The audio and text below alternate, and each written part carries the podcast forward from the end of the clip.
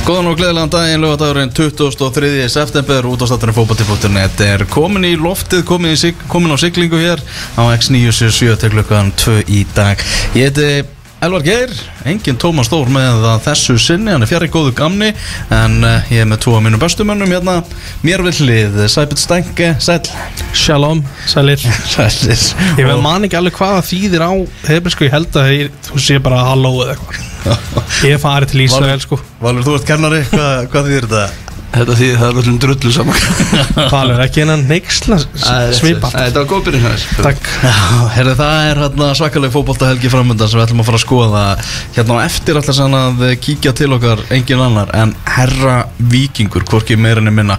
Haldur Smári, hann ætlar að eh, kíkja til okkar, náttúrulega vikinga byggameistarar enn og aftur um síðustu helgi og geta tryggt sér Íslandsmeistaratitilinn eh, endanlega, núna á mánudaginn á móti breyðabliki ágættis vettvangur svona fyrir það að, að tryggja sér hennan titil. Já, ef að Káur verður ekki búið að tryggja hann fyrir það Já, það er endar möguleik því sko. Það er rétt.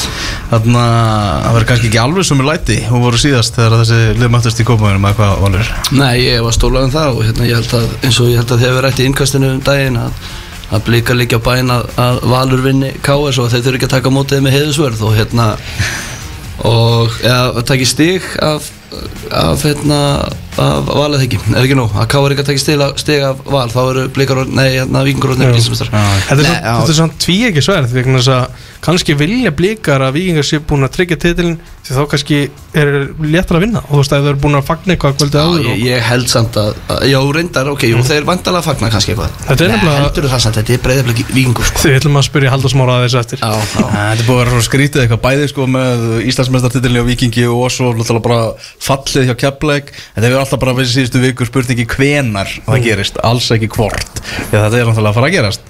Uh, Blikanir á fimmtudaginn. Byrjum, byrjum bara þar í Ísrael.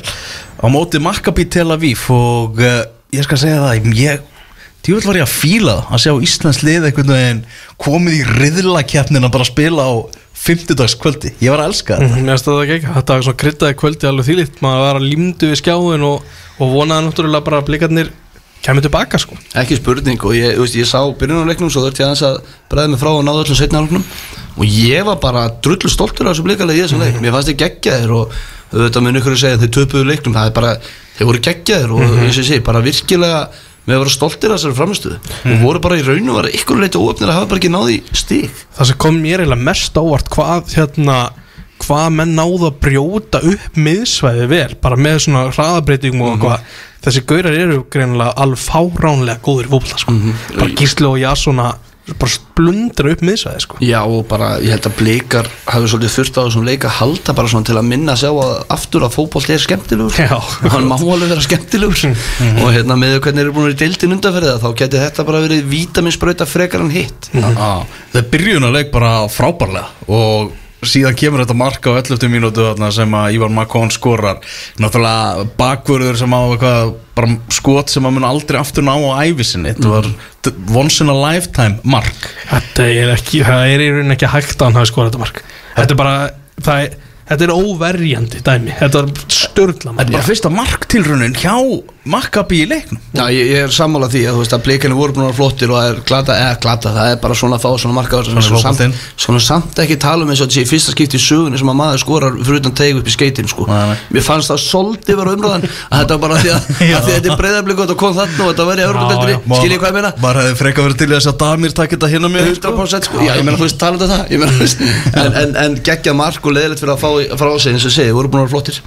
Já, heldur betur Svo kemur þetta sko 2-0 og 3-0 á 2050 mínútu og svo þú veist, fannst langljótasta marki var þetta þriðja mark Já, sammála. svona einhvern veginn svona varnarlega og þá hugsaði maður heyrðu, oi, þetta, að, þetta getur fara, fara að enda bara með ljótum tölum sko. Mm, Þetta þriðja marki er náttúrulega líka lang gæða minnsta marki þeirra. algjörlega Það er bara algjör klaufa gangur og svona vantaði bara talanda hjá blíkonum sko. Það er mistök sem að verða frekari mistök af því það er ekki, menn tala ekki saman hvað þeir eiga að vera sko. klálega og Óskars talaði um viðtalið til leika það hefði verið helvít auðvelt að gefast upp þarna. Mm þannig að við þurfum líka að tala bara um annar markið gæðin hjá þessum Eran Sah- Sahavi sem að skoraði það mark sem er náttúrulega þeirra svona skersta stjarnóður eða bara í gegnum ferilin nánast búin að skora í öðrum hvorum leik sem hann hefur spilað sko. þessi móttaka og hvernig hann líka bara býr sér til plási er bara er frábær en það er samt alveg atrið þarna á undan. Gí- Gísli sér sko hálfri sekund og seint að hann getur sett pressa á mannin sem gefur boltan á Sahavi. Þetta er svona bara að vera með alltaf kveikt á sér. Þá er, gerist þetta ekki sko. Nei, nei, svona er refsa náttúrulega og, hérna, og, og þeir eru á alvöru sviði. Algjörlega. Og þannig að þeim er bara refsað eins og þú segir Já. og, og þetta gerist alltaf eitthvað leikin sem verður til þess að jú, skurða. jú, það sjálfsög Já. Fyrsta mark eh, Íslands félagsleysi í, í lokakefni Evrópu það var Clement Olsen, færi einhverjum sem að skoraði það á 44. mínútu frábært mark og mér er smá svona fara undir ratarinn hvernig hann klára það Já. því hann sparkar í jörðina til þess að sem að mar og markmaðurinn bara getur ekki gert neitt í þessu sko það er ekki séns að verja þetta sko Clement Olsen aftur síðan á 50 og 50 mínútu 3-2, 55 mínútur. 55 Já. Já. Það er alveg, það eru 40 mínútur eftir. Neitt Þessi miður þá gerðist rosalega lítið sóknarlega á blikum. Það var eins og var í svona orka væri eiginlega búin hann til, Já, að- já. til að geta fyrir fram. Þannig að þeir kom aldrei moment. Jú, það kom skotið frá klæmynd þannig fyrir eitthvað þröngri stöðu. En það kom aldrei moment þar sem maður hugsaði nú er að liggja í öfnunumarki í loftinni það var mómentið þegar að Clement er hárspreitt að fá bolta innfyrir Já. en þegar hann verst í frábæla og kemur boltanum í hot sko. Já, já, mér fannst þeir veginn Mér fannst þeir aldrei verið eitthvað svakalega langt frá þessu Þó að mómenti voru kannski ekki með. Mér fannst þeir, þú veist, það, það vantaði lítið upp og til að þeir gætu jafnvel brotið sér gegn. En, en eins og þú segir, bara þú veist 3-2 úti, þarna í 27 stegi þetta, er- þetta er ekkert grín. Nei, nei. Og þetta er, þú veist, á miðnætti en samt 27 gráður sko. Og það er bara, dim, þú sólinn er ekki búin að skína í 5 tíma Samt er 27 gráður sko. Clement Olsen, ef ég verið þjálfari breyðarblíks að ég verið Óskar Rapp þá væri þessi maður fyrstur á blaðeila hjá mér sko. Hann kemur sér alltaf í færi, það er bara þannig. Já. Ég er aðdátt, ég er reyndar líka færa einhver svona að- að lita svolítið er mi- mikið aðdátt Þannig að besti maður vallarins eins og er að mínum að þetta er algjörlega Gísli Eyjórsson mm -hmm. meðast hann bara algjörlega drifkrafturinn í öllu. Og ég- maður sá það bara blika byrtu viðtal við hann á leikdegi bara þeir voru ykkur leikdagsgöngutúr og maður sá einhvern veginn bara í augunum á honum heyrðu, Gísli hann er reddi í þannig leik. Já, og það var áhugaður umalið Það sem að sagði að menn verður svona meira fókuseraðir og minna einhvern veginn stressaðir fyrir stærð verkefninsins Já. Þú veist, meira, já, mér var það eitthvað svona Ok, hann er að finna eitthvað svona öðru tilfinning Já, ég, ég hérna rætti við félagið minni vinnu sem er mikill bleiki og hann sagði sko að maður skilur að mörgu leita að fókusin er svolítið á Europakefni þú veist, þú ert að undirbúða fyrir þetta verkefni þá er erfitt að undirbúða sig gegn FH heimavalli og eins og þú segir, ef það eru tekið hérna, viðtalveðan í göngutúr fyrir FH án daginn ég efast um hann hafður með sömu einbindingu þar og, og núna. Mhm. Já, alveg, alveg sammála því sko. Það er skemmtilegt moment þarna þegar hann misti skóin og spilaði þarna bara í nokkra mínútur í einum skó. Já, skemmtilegt. En hann listi það bara vel, að, vel á hendi. Uh, Já, eins og og segi það það sem situr eftir er bara aðalega svona eftir leikin þetta var búið. Og sagði bara, "Heyrðu, ég get alveg valnist þessu. Já.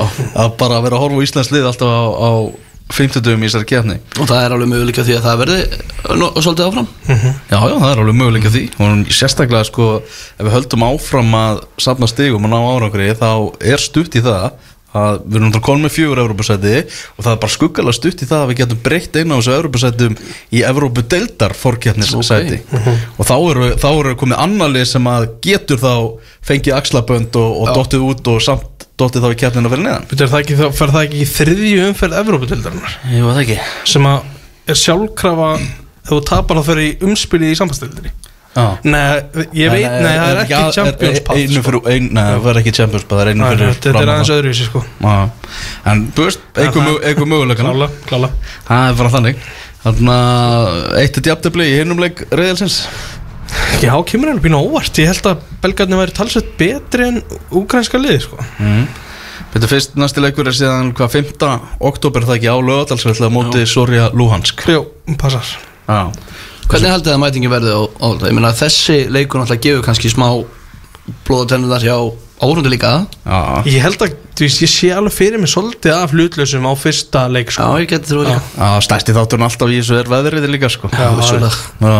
Það er svo rétt En þarna Já, mér, ég er enda mjög pyrrar yfir því að, að UEFA hafi ekki hend, þú veist, hend undan þá að þetta var spilað á Kópásvelli sem var þá bara, þá bara er þið uppselt þar, fullt þar og, og grifja á stemming Það er mitt undir flóðljósunum, það er ekki á allt kosið í þessu sko.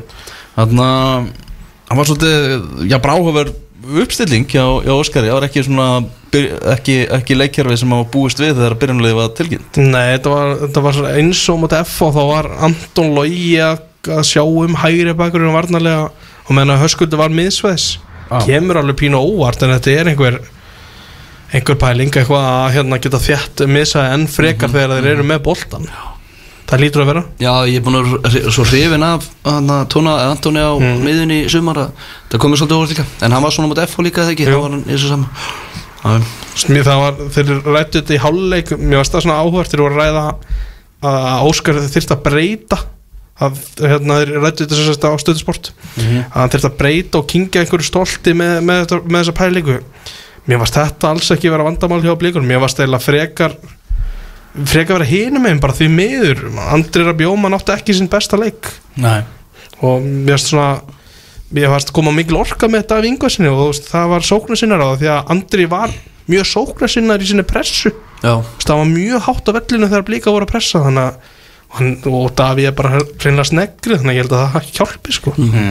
Hvað verður Davíð Ingvars næsta sumar? þetta er svo, þetta er mjög áhugavert áhugavert staða núna því að ég held að verði annarkvort í Tjekklandi eða í Breiðablíki ég sé ekki að hann fari eitthvað annað íslenslið sko Ja. en hann gæti samt alveg verið búin að fá nóg bara ég nenni ekki að vera á bekknum og blíkum eitthvað áfram sko er mitt Nei, ég held að hann sé mjög svektu með það sko. Mhm. Erum við ekki að fara að sjá í þessum leik á mánudaginn á móti vikingum Erum við ekki bara að fara að sjá þetta breyðablíksið sem var að sp- spila á fimmtudaginn í, í þeim leik? Ég held að það gefið mikla innspýtingu jú. Jú, nú er þetta bara að byrja þeir eru, þú veist, komnir á stað í þessu. Uh, þú veist, það er enn en nokkuð langt í næsta Evrópuleik hjá þeim. Já, já, og náttúrulega, þú veist, nú er þeir bara komnir í þá stöðum sem við búið að ræða um að núna verða þeir bara að fara að vinna leiki aftur. Þú veist, þetta, þetta, gengur ekki lengur og þeir eru bara að missa þessu, þeir gætu missa af þessu fjórðasetti já, sem að gefur erfarsett þannig að ég ætla rétt að vona fyrir blika. Þeir eru búin að vinna tvo leiki undanferð og það voru mútið íbjöð að fá keplaðu kaldi með mánaða millibili. Ég er ekki með þetta fyrir frá mér, minnir að var eitthvað þannig. Já, við. Já, þannig að þú það er eins gott að þið fari hérna að, að hérna bara spila aftur eins og þið geta og, og klára þessa leiki því að þetta er ekki bóðlegt eða lítið deildinni. Sama hvað við tölum með Evropakefna þá er þetta ekki að bóðlegt í deildinni undanfarið. Sammála. Alls ekki, alls ekki. Þannig að það leikur í, í dag í bestuleldinni sem að byrja klukka, klukkan tvö. Íbjöða framar heldur betur búið að vera að ringla með þennan leik. Það var settur á, á, morgundaginn út af, út af viðurspánu svo breytist viðurspánu eitthvað þannig að þeir hættu við og fóru aftur yfir á, á lögadaginn Þetta er svona að þegar að spila þeir á, í vestmannu á þessum tíma ás já, já, það er ekki spurning og þetta getur bara skipt sköpum, þetta er ekkit eðlilega mikilvæg leikur.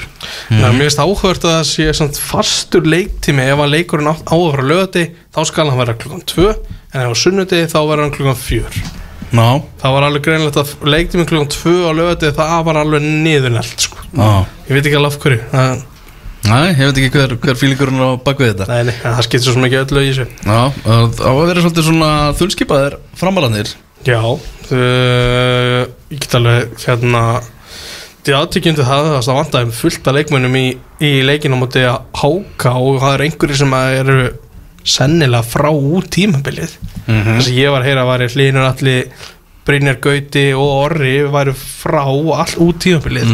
Og þetta er allt menn sem geta spilað miðvörðin Já. þannig að það er þunnskipa en, en Þengil kom inn á móti háka og var að spila sem fyrsta leik og var bara mjög góður sko. Já, en helviti stórt verkefni að vera að setja bara er, við þurfum bara að treysta á þig hérna til að liðið haldi sér uppi. Og líka hann hann að fara út í eigarnar þar sem að, þú veist, til vestmanni þar sem að verða kýlingar og, og alvöru slagsmál já, og vindurinn í allar áttir. Algjörlega. Já, já, þetta, verður, þetta er alltaf annan spilin í kór er heldur betur, heldur betur. Mhm. Það er leikir í þessari neð, neðri deild sem eru melkinar morgun er keflaðið Háká á HS Orku fellinum Mm, já, ég Það er rosalega leikur. Nei, það er hérna, ég, Háká getur klárað þetta endalega þar þó að þessi eru aldrei að fara að falla svo sem. Og þú veist, ég veit ekki hvað maður getur sagt um keflaðið í dag, hvað, þú veist, er eitthvað hægt að tala um keflaðið lengur?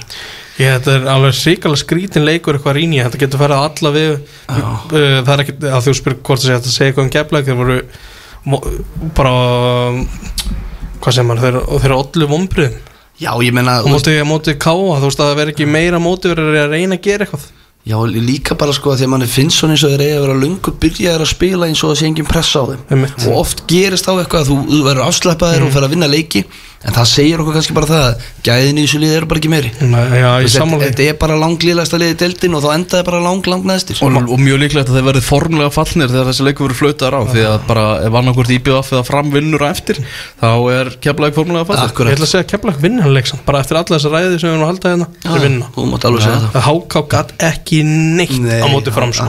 ekki neitt. Nei, nei, ég held að Háka sér líka bara Það er svo erfitt að segja samt að þessi búin að stimpla svo út þú veist, Þeir eru 60 frá fallseti Ég held að sé búin að stefna sér út samt Ég veit það, ég er sammálaðir Þú veist, ég er sammálaðir En þú veist, þeir, ge- þeir geta ekki hugsað þannig Nei, nei. Það er ekki sens, ég get alveg loða eitthvað Því að þjálfar og leikmenn geta ekki leif sér að hugsa þannig ég, ég vil segja árbæðinga fjölmenna á vúrþvöllin á, á morgun þegar fylgir káa þeir eru að fara að mætast þrjú stig þar eru þau algjörlega gulls í gildi fyrir, fyrir fylgir Káa hefur akkurat engu að spila einmitt. út Einmitt. Er það ekki staðan? Jú. Þeir, hérna, ég er enda var einhvern veginn búin að gera ráð fyrir að Jóhann Símon myndi ekkert spila meira en með að við viðtal eftir síðasta leik þá, þá spilar hann þennan leik okay. þá var hann kvildur í síðasta leik þannig að eitthvað er þeir allavega að fara að tefla að mönnum ég held að þeir væri að fara að spila bara ungu leikmönnum sko. Já, já. Af því að það er ekkert undir fyrir það sko. Men, og, og mér, mér líður þannig eins og káaliði sé svolítið þegar ekkert undir að þá eru ekki góðir ég, ég, Það er ekkert tilfinningi mín núna En þeir voru ekki frábæra mútið keflenga, þeir unnu samt það er. Það er sem En hérna, já, ég sá svo ekki, ekki þannig En hérna, en þetta er gríðarlega mikilvægt Sammálaðir í vona árbæðingar hérna Mæti, hressir mm. F.A. mættir stjórnunni í efri hlutarum það er áhuga að vera leikur Það er leikur ef F.A. bara vinnur þann leik Já, hvað er þetta að segja bara um þetta uh, uh, þetta rönn sem þeir eru að vera bara þvílíkt rós enn og aftur á þjálfaran ef hann vinnur stjörnina Já. það er þið bara magna dæmi sko. Sko, þegar við byrjum að tala um Íslandska boltan í upphæfi ás Já. þá tölum við um það að FH væri líklega eitt lélegasta leiðdeldinni Mhm. Við vorum bara þar, Já, við já. vorum bara með þá í bottom 4-5 uh, Þegar þetta run fór hjá, hjá, F, hjá FH stjarnan KR voru að berjast um þetta fjóðarsæti vorum að tala um það. Mhm. þá var maður alltaf einhvern veginn FH er einhvern veginn við höfum meiri trú á stjörnun og KR að þeir muni taka þetta. Tölum við mikið um það að F.A. veri illa samsett og, og bara líðalegt varnalega í byrjun tímurs, já. Uh, og eins og sé, maður er alltaf með þá einhvern veginn fyrir neðan. Núna bara vinna þér breðablik og ef þeir vinna stjörnuna á morgun þá er þeir bara komnir í svo mikið bílstjórnarsæti að hálfur nú og þá má alveg byrja að tala um Heimi Guðjónsson aftur eins og var gert hérna í upphæð tímurs hann hérna er búin að, búa, búin að mynda eitthvað stemningu hana sem ég held að mynda ekki ná að mynda. Það, það eru menn að hlaupa fyrir sko allan peningin og þeir eru að hlaupa líka til þess að þú veist að berjast, þeir eru ekki bara að hlaupa eitthvað. Þetta er mjög impressive Já, alveg klálega og hérna bara allt kredit á hann. En þeir þurfa að vinna, veist, við skulum átta okkur á því að þeir eru með sko stjarnani með pluss átjönni markatöla meðan að FH með mínus 1 pæli í því, Já. pæli í því stókar og FH er með þremur stöðum meira en stjarnan. Mínus 1 í markatölu. Mm. og hérna, þannig að, markatalan vinnur svo sannlega með stjörnunni. Já. þannig að þeir verða, þú veist, þeir verða að vinna hann að leika eða jafntöfli, það fór ekki að eða allt og mörgum mörgum í sérna sína sko. nei. Fyrir má vera. er betri að kannski tapa stærra. En þeir vera án hérna ta- talandi um þú veist ítla samsetti varnarlega, verða án Óla Guðmund sem er búin að vera mjög góður í á þessu tíðanbili og verða líka án sennilega sín besta manns í sumar. Daví Snær verður ekki með. Já, og hann er í banni, Já. hann er, Báðir í banni, það er sko. stórt sko Ég ætla bara að ganga svo langt að ég hef bara setja á stjórnuna bara eftir að, eftir að, að áttum á þessu sko. mm. Guðmund Kristjáns verður ekki með stjórnunni það kannski hefur aðeins minni áhrif held ég sko Mm. það getur leist bara heiðar að verður í hæri bakur og kemur bara einhver annar inn á miðinu sko. Já. Svo er, þetta er í kaplakrigunum, það er stórt líka Það er náttúrulega mjög það, stórt það er- hefur alveg áhrif, það er er gras og stjarnan á úti ég, ég veit að Jökull talar um að þú veist þetta hafi þú veist þetta sé of mikið hort í þetta en tölfræðin á úti hjá stjórninni er bara eitthvað skalin léleg sko. Já, ég, ég, ég veit á svo veit maður ekkert ástandið á völlunum svona ég, ég veit ekki hvernig það er núna, hvort þessi að fara að frista þess og svona. Nei, ég held að ef að, ég held að segja að Kjartan Henry er onnit þá, þá vinnur það sko. Já, það getur vel verið. Mm. Káar mættir val á meistara völlum uh, Káaringarnir það voru svona tvær útgáfar sem að síndu af sér í þessum leika móti, móti Viking spurning hvort þeir mæti í setni háleiks útgáfunni og, þá, erum við alveg leik. Það er allt undir og káir og en eiginlega ekki til val. Það er rétt, en þetta er Káar Valur. Og va- þú veist Valur er samt alveg, já, miklu Já. betra fótballalið Já, já.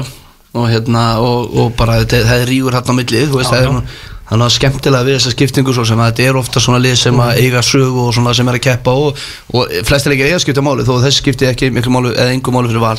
En, en ég sammálaður alveg að þetta voru tvö lið sem að káða síndi þarna um daginn á móti vikingum og hérna og setna álugur var skemmtilegur. Og ég vona bara að okkar besti steppi verið þarna geti spilað allan leikin Því líka innkoma hjá Stefán Óndar Gessinni það er bara, það er svo mikið synd og skömm hvað hann er búin að vera mikið frá á sínu meistarlóðsverðli því að þegar að Stefán er on þá er hann on hjá Káur Já. Þetta er náttúrulega maður sem þú sást uh, þegar þú varst í þjálfarteiminu hjá leikni bara á hverjum einasta degi vera í Já. Þannig að þetta er svakalegir hæfileikar hérna á ferð. Ekki spurning, Stefán Algesson, hann er bara já, þetta er svona eitt skemmtilegasti leikmaður til að fylgjast með þegar hann er on bara, bara mér langar aðeins að spyrja út í þetta þú veist, hvernig upplýður hann sem bara leikmann aðeingur fannst honum ógæslega gaman í fótbolta? Já en hann hefur ekki áhuga fótbolta. Nei, hann, hann fílaði sig í brjóðallan allavega hann alltaf var með hjálta besta vinnu sínum aðna og fyrtaði bara vel í hópinn og, og ég held að hann hafa þetta rosalega gaman að þessu. Alveg bara virkilega. En svona tilfinningin er hann að horfa ekki á fótbolta? Nei, en nei, það getur vel verið. En skoðið viðtalið við hann eftir hann Feti KS og beint á eftir þú veist, á næst tímbili Þá er bara, það er rosalega bjart yfir honum, létt yfir honum Hann hlakkar til að takast á nú við erfiðar verkefni Gaman á leikni en nú eru bara alvöru verkefni. Og þess vegna bara ókesslega mikið synd Hvað hann er mittur og hefur eins og segir Svolítið svona, já, ég, ég, veit- mér langar ekki að segja fjarað út En svona aðeins Ég sloknaði umræðinu í kringum hann Út af ykkur. Ég sammála, ég hvet hlustum til þess að hlusta á þetta viðtala þegar sjálfsög tók Tókst ég þú þetta það? hann er já, 22 ára gammal, verður 23 ára í, í november Stefán Óðni Er staðan í, býtu, staðan í Káur Valur í sumar. Mm. 9-0 Já, sæll þetta er eitthvað sem þeir verða að svara Já, sko. Þeir verða að koma með eitthvað að svara við þessu sko. 9-0 já. Já, Það er ekki skorað á mótið og bara ekki verið, þú veist, Heldur líklega sko. það þið svari? ég held að það getur endað í jafntefli en ég sé ekki einhvern veginn að Káur vinna þetta sko. Nei. Aron Jói banni samt. Já, það getur haft áhrif á miðsvæði skilur hjá Val. Já, bara spilamennskunar er heilt yfir. Já, já, þú veist, það má alveg tala um eins og við töluðum að þessi leikur skiptir einhver mál fyrir val, öllu mál fyrir káir en bara þegar maður horfir á liðin þá er valur bara með miklu betra lið, sko. Mér finnst, valsara bara flottir á móti þú veist, mér, ég heldur þeir eru ekki jafnvel stemdir og þeir eru voru Nei. á móti stjórnunni, þannig að þeir eru greinlega að keppa einhver og Arnan talar um að þeir vilji vinna þetta mót Já. þessa fimm leiki sko. En aðalpartíði náttúrulega um helgina er náttúrulega annars vegar fótbolti.net byggar einu undanúslit sem verða, verða á eftir. Og svo náttúrulega umspilið í lengjudeldinni, setni leikinnir og maður reyla bara því lær sem að dregur þessum setni leikju þá er maður að pyrra sig við því að geta ekki sé báða leikina. Já, við samanlega því, 2 og 4 Já, bara ekki spurning og eins og segi bara eða 2 og 4, 2 og 5 þeir rættu um daginn þannig að þeir eru flóðlós í músulspennum Já, já, heyrðu, það eru fljóðustar mm Akkur er þetta ekki um kvöld? Ég skila er ekki eins og anna, það er ekki eins og annar liði græði eitthvað á því að vita úrslitin í hinum leiknum. Nei, nei, Nei. Það er allir í að leik saman hvað sko. Já, já. En veitir, hvernig virk, er, er það 100% þannig að þú fær spjald í þessu leik þá máttu spila úrslit Nei, Nei, nei það er ekki þannig. Það er Þetta- þetta fylgist ekki. Ég held að þessi 100% að sé ekki þannig. Ok. Og svo, og svo náttúrulega er þetta svo gjössanlega galið að ef, ef einhver afturleikamaður sem var tæpur eða fengið guldspeldur mútið leikni í fyrirleiknum Já.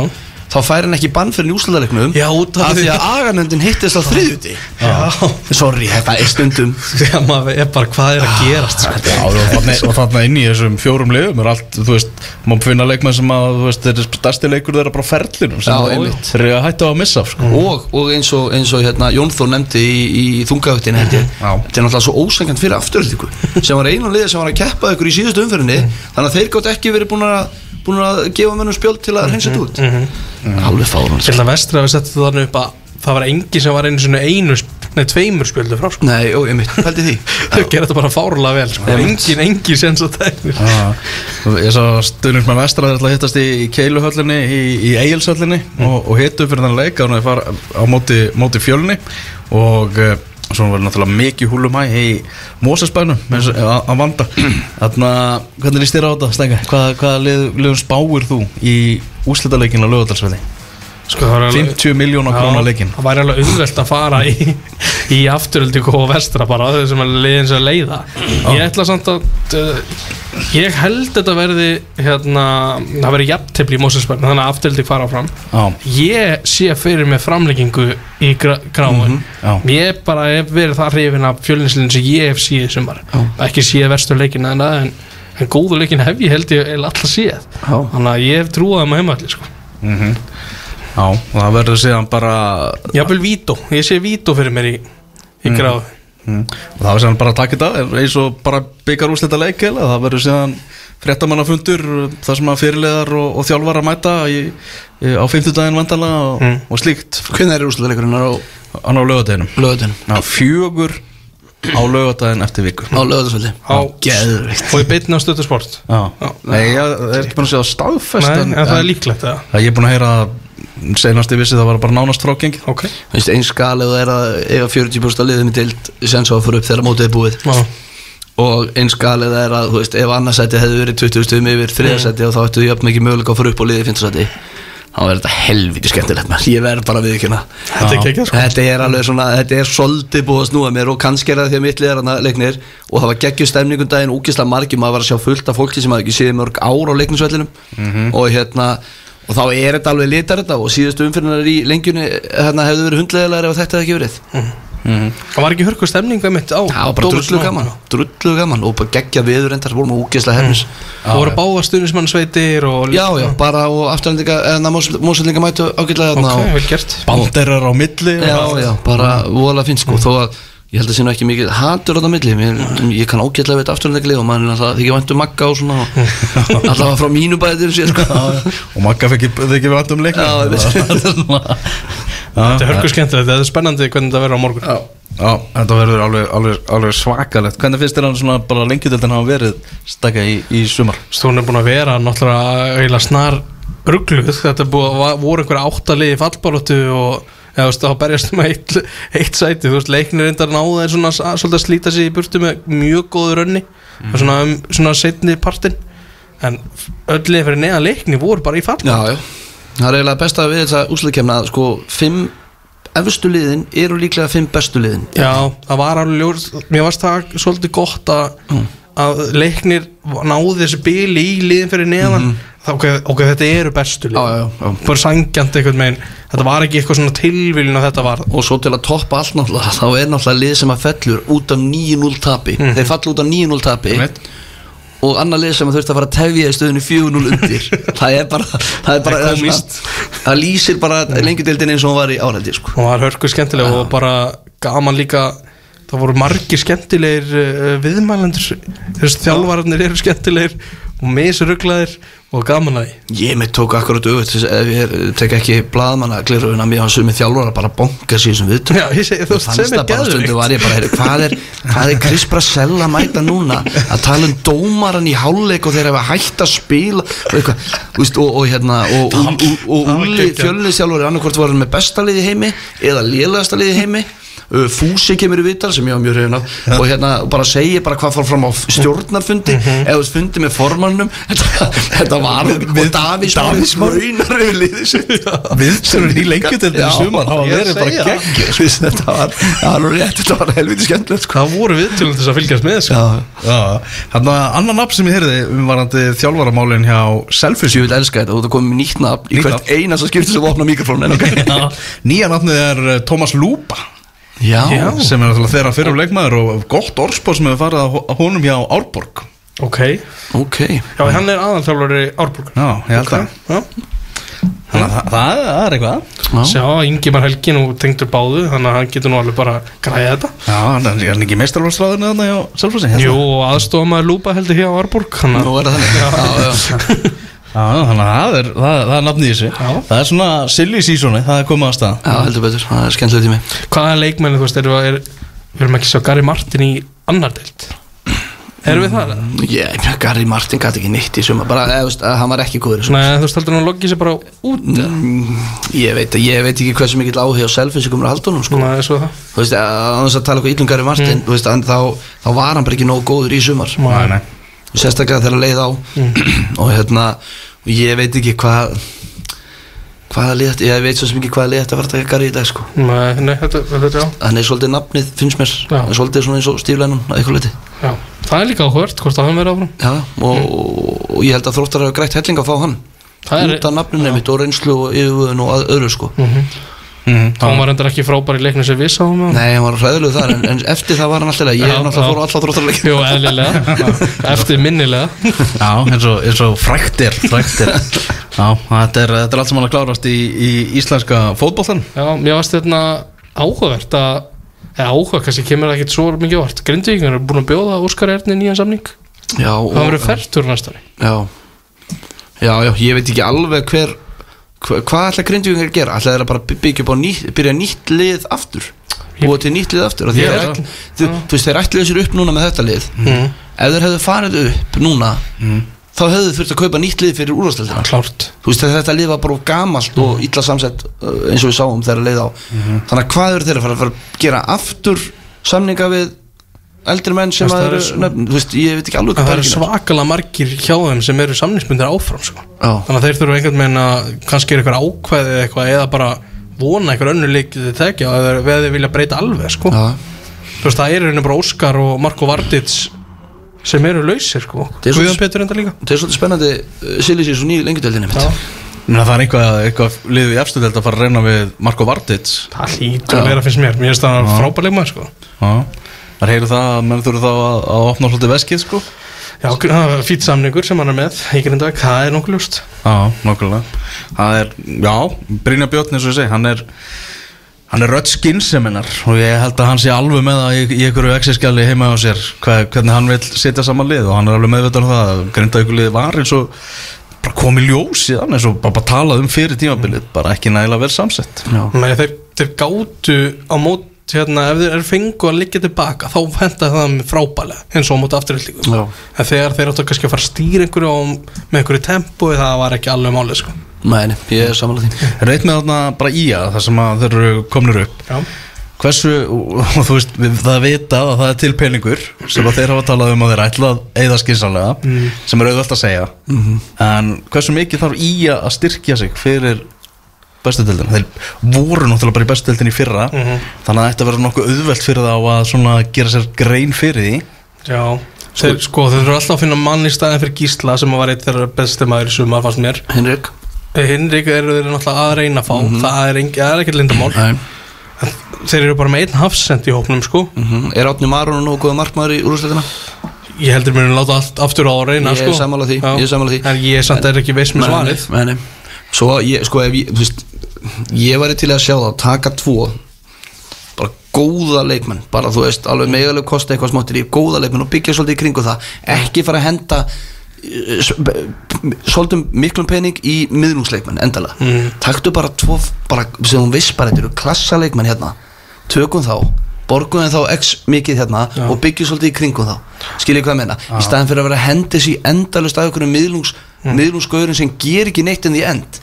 Sem á ert bara aðeins betri en, en þarna ungi guttin fyrir aftæðin sem er skagamar Já, Viktor Jónsson var einmitt að kalla eftir þessu bara hérna í, í túlistúdíu í túlistúdíunu í, á Krókólsunum þar sem hann var að, að tala um það bara meðan hann er búin að vera þessi árhanna bara allt og mikið, mikla mannabreitingar og, og þjálfarabreitingar líka og nú vil hann eiginlega bara svona að koma með smá stöðuleikin í klefan Akkurat. Mm, Ég ætla hérna Albert Hafstinsson var í viðtali hjá Dr. Fútból og hann kom með nafn sem hann vil sjá koma í, já mér finnst það áhvert að nefngreindi leikmann annars félags. Ok. hann vil bara sjá Kyle McLachlan koma í ja. Já, hans fyrir liðsfélag í fram. Já hann hann hann- hann hann vel saman. Hafstind já mér finnst það skemmtilegt að hann nefndi nafn sko. Já. Það er ekki oft sem menn gera það sko. Nei. Já, spurning með það. En það er alltaf mjög spennandi að sjá hvað ég gera Því eins og ég segi, þeir eiga fullt af pening Eru búin að segja þeir ætla ekki að, eða ætla að nú skinsamlega En svo þegar á hólminu komið Og þeir eru kannski að tapa á undirbúinnstímbilinu Þá gæti alveg verið helviti þægilegt bara Þið vita að við erum hérna með 500 miljonar á bankabók sko. Og það var hérna Ég veit um eitt hérna frá Skiljið hvað vel mm bara, Þannig að það er mjög forhundlega að sjá hvað skæðum að gera. Já, ég, ég, veist, ég var að hugsa hvort það væri einhver skamenn lausir. Ég er, svona, ég er enna að velta fyrir mér hvað hérna af, hverju hugsaði Tryggvi ekki bara býðum aðeins með að skri, skri, hérna skrifandi nýjan samning og ja, kannski væri bara gaman að taka ævendur upp á skag Ég veit ekki, var, hann ekki, er ekki búið með þann pakka bara? Kannski, kannski er það bara máli Er en, það en ekki? þú veist, hann er ekki að fara út aftur Nei, ég er að segja, en hann er búið með skagapakkan líka sko. Já, Og þú ert í því- að umhverfi í, í val.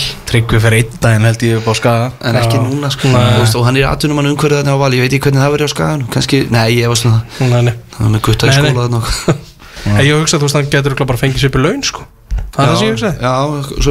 að mm Útastátturinn fótbolta.net heldur áfram eftir smá stund því að eh, herra vikingur Haldur Smári er vandalugur í hús. Áframheldur út á sattunni fótbolti.net hér á X977 Lókið Sæpi Stenke og eh, Valur Gunnarsson og hingað er enni komin herra Víkingur, hvorki meira nefnina langleikjahæsti, leikmaður Víkinga Haldur Smári, velkomin Haldur Sælur og blessaðist, takk. Og bara til aðmyggjum með, með titilinn og, og, og verðandi titil og allt það Já. Má maður ég, það er, Þetta er alltaf smá óþægilegt svona Þú veist, þetta er ekki komið þú veist, þá er alltaf smá svona óþægilegt en, hérna, en ég skal taka við hann ekki óskum fyrir hintitilin algjörlega sko. Ef við byrjum bara strax á þessu Viltu að Valur misti sig á morgun? Sko Já, þetta er náttúrulega Sko Við hefðum alveg verið til að vinna til dæmis mót KR, þú veist, Nú, gott við hefði alveg verið til að- skilur, klára þetta þar, í staðan fyrir skilur ef hérna uh, hvaða leikunum var undan hann að Valur var að spila móti stjórnunni, skilur Já, já um, þú veist, gaman hér framann fólkið og, og, og vellinum og svona en, en, en ég veit ekki veist, það er eitthvað sem, eitthvað sem veist, mér finnst gott að klára þetta en svo líka gaman að fá að fagna þú veist, eftir leik þú veist, við skal minna þannig að, hérna, já Heldur að, þú veist, bara klára þetta þú veist, að því að þetta er breyðablík víkingur Já. það er ríkur, það fyrir ekki eitthvað að tala í kringu það. Nei, ef þið verið búnir að vinna þetta heldur að verði samt bara hey, fögnum ekki fyrir en eftir leikin á morgun almennilega? Já, það verður þannig sko. Uh, ég, það er alltaf bullandi, þú veist uh, viljið því að fara og vinna blikana skilur, þú veist, ég held að menn hafa ekki mikið áhuga á því að mæta eitthvað þunnir í það sko. Þannig að hérna, já, það verður alltaf þannig. Alltaf þannig. Það er alltaf, alltaf partí og fagnar höld og eitthvað hjá, hjá Víkingur nóa því. Hvað rangar partíið eftir byggarúsleikin á lögðan Sko, ég myndi segja að það væri já, sko toppnum er náttúrulega tvennu partíð, sko, Já. 21 það var, það var bilað, sko. Mm. en hérna, já, það var bara já, bara geðut, geðut gaman og alltaf gaman að vinna byggarskilur og það er bara það er náttúrulega ekki langt síðan fyrsti kom, sko. Við komum búin að vera lengi í þessu en hérna en þetta er, maður langar alltaf meira, sko og þetta er alltaf, alltaf gaman, sko. Já. Svona bjóst ekki til því svona fyrir hluta fyrirsins að, að þú væri eitthvað leikmaður sem væri bara með eitthvað Nei, urmul á titlum á skráni Ég get alveg verið hinskilin með það sko, þú veist að hvað Arnir tekur við 2019 og þá hvað var liðið meitt bósbyggar skilur, og ég var ekki svona með ég var skiptið á mig í Hollandi sko þegar það gerist, þannig að ég, ég hafði ekkert sko. En hérna uh, en já, þetta er búið að vera ótrúlegt sko. Er þetta að fara að venjast að vinna titil? Uh, nei, þetta er nefnilega ekki búið að venjast. Uh, við, við áttum hérna samræðu um þetta eftir, eftir hérna byggarleikum daginn, ég og hérna Erlingur Agnars og þú veist þá vorum við að tala og sammála þá þetta, þetta verður ekkert venjulegt meða við sko allt sem hefur undan gengið sko sem maður byrjaði og þá verður þetta ekkert það verður ekkert normalt sko. Allan ekki bráð sko. Mm Þannig að Arnar Gunnlaugsson búin að mæti í svona mörg viðtöl, mörg láðvörp og allt hann og svona vera að rýna í þjálfaran Arnar Gunnlaugsson. Hvernig er bara, þú veist, hvað segir leikmaður sem hefur verið undir stjórnans bara frá því hann byrjaði þessa vegferð sína? Bara hvernig hefur Arnar Gunnlaugsson þróast sem þjálfari, hann vantar ekki komið bara alveg 100% inn í þetta. um, þetta, er, þetta er góð spurning. Ég held sko að um, ég held að uh, það hafi verið hann, alltaf mjög, hann vissi alltaf nákvæmlega hvað hann vildi sko. Og ég held ég að sagt þess að sögu áður að þegar uh, Logi var með hérna honum hann ári áður og það var svo það var skilur hann einfaldur fótbolti og þannig og hann fekk hann eina æfingu uh, um sumarið og var hann að taka próf. Mm. Hérna eitthvað þjálfara próf og þá bara allt annað dæmi. Við varum bara hérna hafsendar út til hliðlínuna og allt þetta skilur og þá sá maður bara svona já ok, wow skilur þetta er svona, þetta er eitthvað alveg nýtt og mjög spennandi sko. Þannig að hérna hann vissi alltaf nákvæmlega hvað hann vildi en svo held ég að uh, það hafi verið gríðarlega mikilvægt fyrir Arnar að fá Sölva og Kára. Vegna þess að hérna varnaþátturinn er náttúrulega ekki síður mikilvægur skilur og ég held að þeir hafi komið með uh, mjög hérna svona já, mikilvæga þætti inn til hans hvað það var það líka skilur. Þannig að þú veist, í dag er Arnar svona overall bara frábæð þjálfari og með góða þekking á, á báðum báðum hliðum sko, varnar og sóknar, sóknarlega og ég hérna, hann er fljótur að pikka upp nýjungar sko, Já.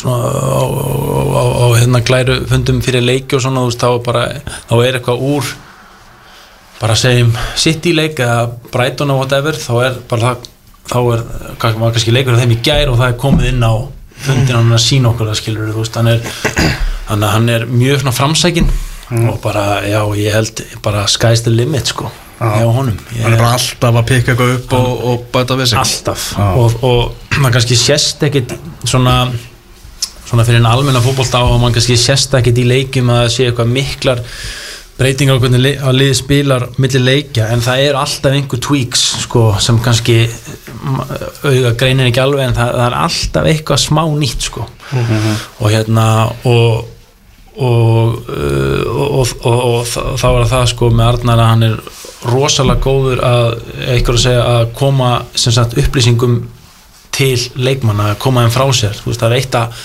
vera með þetta í haustum á sig sko en svo þarf einhvern veginn að kommunikata þessu til okkar. Og hann er mjög góður í því að komast til skila. Að hérna, Er það ekki líka inn á völlin í leikjum? Er hann ekki rosalega snöggur að bregðast við? jú, algjörlega sko bara hérna og, og hikkar ekki við það sko. Nei, veist, ef hann sér eitthvað eftir bara 5 mínútur þú veist að þá eru bara konur í eitthvað annað sko. þannig að algjörlega Hefum mitt suma var svona þema orðið hjá honum að vera pragmatískur Fannst Já. þú fyrir einhverju svona að hann var aðeins öðruvísi en hann var aðeins undan? Nei ég ekki ekki, ekki persónulega sko. Hvað hva, Það var að segja bara í viðtölum bara við þurfum að vera pragmatíski bara, þú veist, mm -hmm. var aðeins að markárir í eins og sinni nálgun þetta var í kringum Evrópu leikin ykkar. Já, já, já. þá, ég veit ekki hvort það var svona aðeins að breyta út á annanum eitthvað Nei, minna, minna, minna að taka sensa sko. Nei, þér segja ekkert eitthvað sem var svona eitthvað officialt eða til okkar sko mm. ekkert sem ég mann eftir. Mm. Þannig að svona þess að maður var að fjalla um þetta tala um Sölvaki Róttis sem svona óvandasta þjálfaran Já. í íslenska einmitt. Komum þetta þér óvart? Er bara sko, komið kannski óvart hversu svona fljótt það gerðist sko, ég held kannski að þú veist, að hann hérna, ég vissi svo sem alltaf að hann myndi vilja að vera eitthvað í kringum fótboltan sko, en hann hafi komið strax inn um leiðan hætti, ég held kannski að hann myndi taka smá breyk eitthvað. En hérna, og svo er bara búið að gerast á hratt sko, þú veist, hann er bara hérna já, hann spáir í þessu allan daginn sko, og, og og þú veist, það er eitt að stilla upp í hérna, först leikadrið og, og þannig en sko, svo er hann með bara svo mikið insight inn í skiluru alls konar skiluru, bara það sem hann tekur úr sínu ferli, náttúrulega frábæri förstan leikadrinu sjálfur.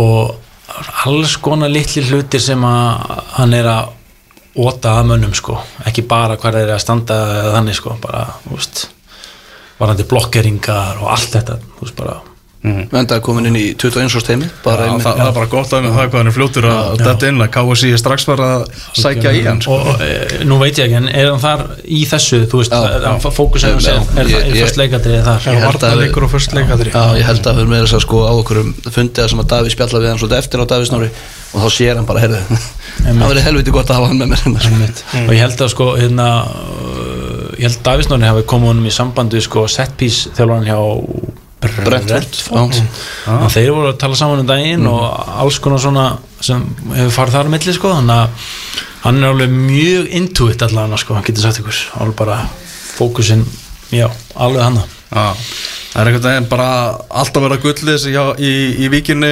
vinsalasta tónlistamann landsins Já, og, mitt maður. og byggamestrar í öðrum flokki í gær og náttúrulega kvennaliði frábært Já, frábært, útrúlega flotta stelpunna sko. Það er bara, þetta er búið frábært ár sko. Bara því ég tek boltan hann hvort er það barflæði eða skína?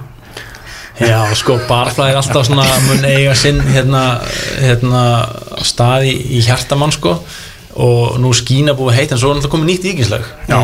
Er búin að heyra það? Já, Pretty Boy ég hef eftir að heyra það sko. Er þetta hörkur laga? Já þú varst ekki við blöstuð á skrifstofunni. Þetta er alveg, þetta er, það er eitthvað annað sko, þú veist, viðlega er mjög catchy, textin kannski ekkert eitthvað svona, eh, þetta er náttúrulega mikið bara um einhverjar skvísur og, og komast inn fram fyrir röð og okkur svona sko, Þetta er eitthvað agabann í textan eitthvað svona en, en, en það sem skiptir ekki öllu er bara stemningslaga á stemningstíma í víkinni sko þannig að bara, bara geðvitt sko Já, ég var með þetta á, á káarleiknum þar sem þetta var að spila vel og mikið og þarna bara funkar einmitt líka bara vel inn í stemminguna þarna, Já, sko. ég held það, þetta er eh, vel gert hjá hann sko mm. Það var komið líka bara þú ert náttúrulega inn á vellinum en það var bara að mæta á vikingsvellinni er bara mjög skemmtilegt hvernig Já. svona grifjan er og Já, það er svona hvernig stemmingin er sko. Það er þannig, þú veist, heilt yfir að fólki finnst það mjög gaman Þú veist, ég ég að spyrja bara Já, það er mín upplifun klálega, sko. Ok, Já, og maður, sér það bara veginn svona bara heilu fjölskyldunar meira farnar að mæta já, og einmitt bara eiga stundarna sko. Einmitt, ég held, að, ég held að það sé alveg vikingum mikið í mun að þetta sé svona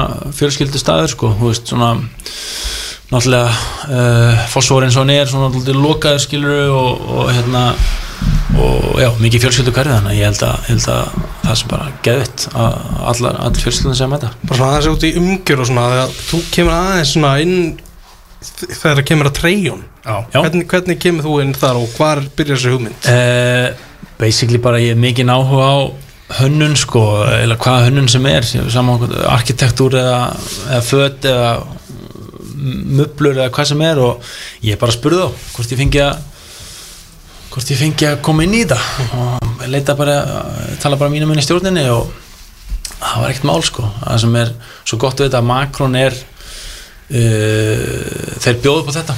Að, að liðin geti gjössamlega hannað sína treyju frá grunni skilur þetta er ekki svona þú ert hjá Nike Adidas þá ferðu bara í bækling og velur skilur veist, það- þetta er of stórt til að þú já. fáur að gera eitthvað sjálfur. Þannig að hérna Macron er með þetta og bara ótrúlega gaman og geggja að hérna já, fá að taka þátt í þessu. Við fórum til Bologna um daginn. Erum að hanna nýju treyjuna fyrir næsta ár og hérna það var bara geggja, það er slett er Byrnir eitthvað að reyna að koma, koma að sínu Ég sínu er í alltaf með Byrni á hérna, spítæl sko, hann, hérna, og hann náttúrulega djúpur í hönninni sko, fattarhenni og bara, já, ríkala gaman að því honum. Mm. eins og segir það er bara rosalega einhvern veginn náinn stemmingarna og allir með puttan einhvern veginn í öllu. Já, algjörlega, þetta er bara, þú veist ég, mér finnst það svona eitthvað bara að vera sko, þú veist, að bara að leita, ef, ef það vantar eitthvað, að leita innan hús og gá hvort einhversi til ég að hérna, taka þetta á sig vegna þess að eins og ég skilur, þú veist, ég er bara náttúrulega elska viking skilur og ég, ég, vil, ég vil bara gera þetta eins vel og ég get sko og ég, ég held að það sé, það sé hérna það sé mikilvægt. Það við vorum að tala um Sölva á hann heldur að hann sé, þú veist, myndir þú kalla hann fyrsta kosta blaði ef Arnar fer annað? Uh, ég sko um daginn þá vorum við á Arnari í banni Mm. svo frækt er. Hérna, þá var Söl á hlilinni og hérna, hvað var ekki valsleikurinn, já, ég fer út af í hálfleik hérna og uh, og ég sitt hérna og ég var að fylgjast með honum og ég bara hugsaði, veist, hann er alveg klárið þetta sko. Ef, að, ef að svo fer að Arnar fá eitthvað annar stað sem ég held að sé bara tímaspjósmál sko en ég held að Sölvi sé alveg tilbúin í að allan testa þetta sko mm. Þannig að Gunnar Valnamar hérna Já. nýju mönnunum hjá ykkur svona náttúrulega bara sló rækilega strax í gegn og allir vita hvers, hvers konar pressa hann er með henn á vellinum og hvað hann getur gert hvernig típ er þetta samt? hvernig er hann utavallar? bara, bara sko, hann náttúrulega kemur úr sko, hvað 800 mann bæ Já. þú veist, aldrei farið að hann nema landsinsverkinu, skilur hann aldrei farið erlendis í skemmtiferð eða neitt skilur, hann er bara veist, og hérna ekki taldi áfram skilur, það er engin umferðarljós og veist, honum fannst umferðin innan gjössamlega ruggluð sko hann inn og hann eiginlega tristi sér ekki að keira sko, veist, við erum alveg þar.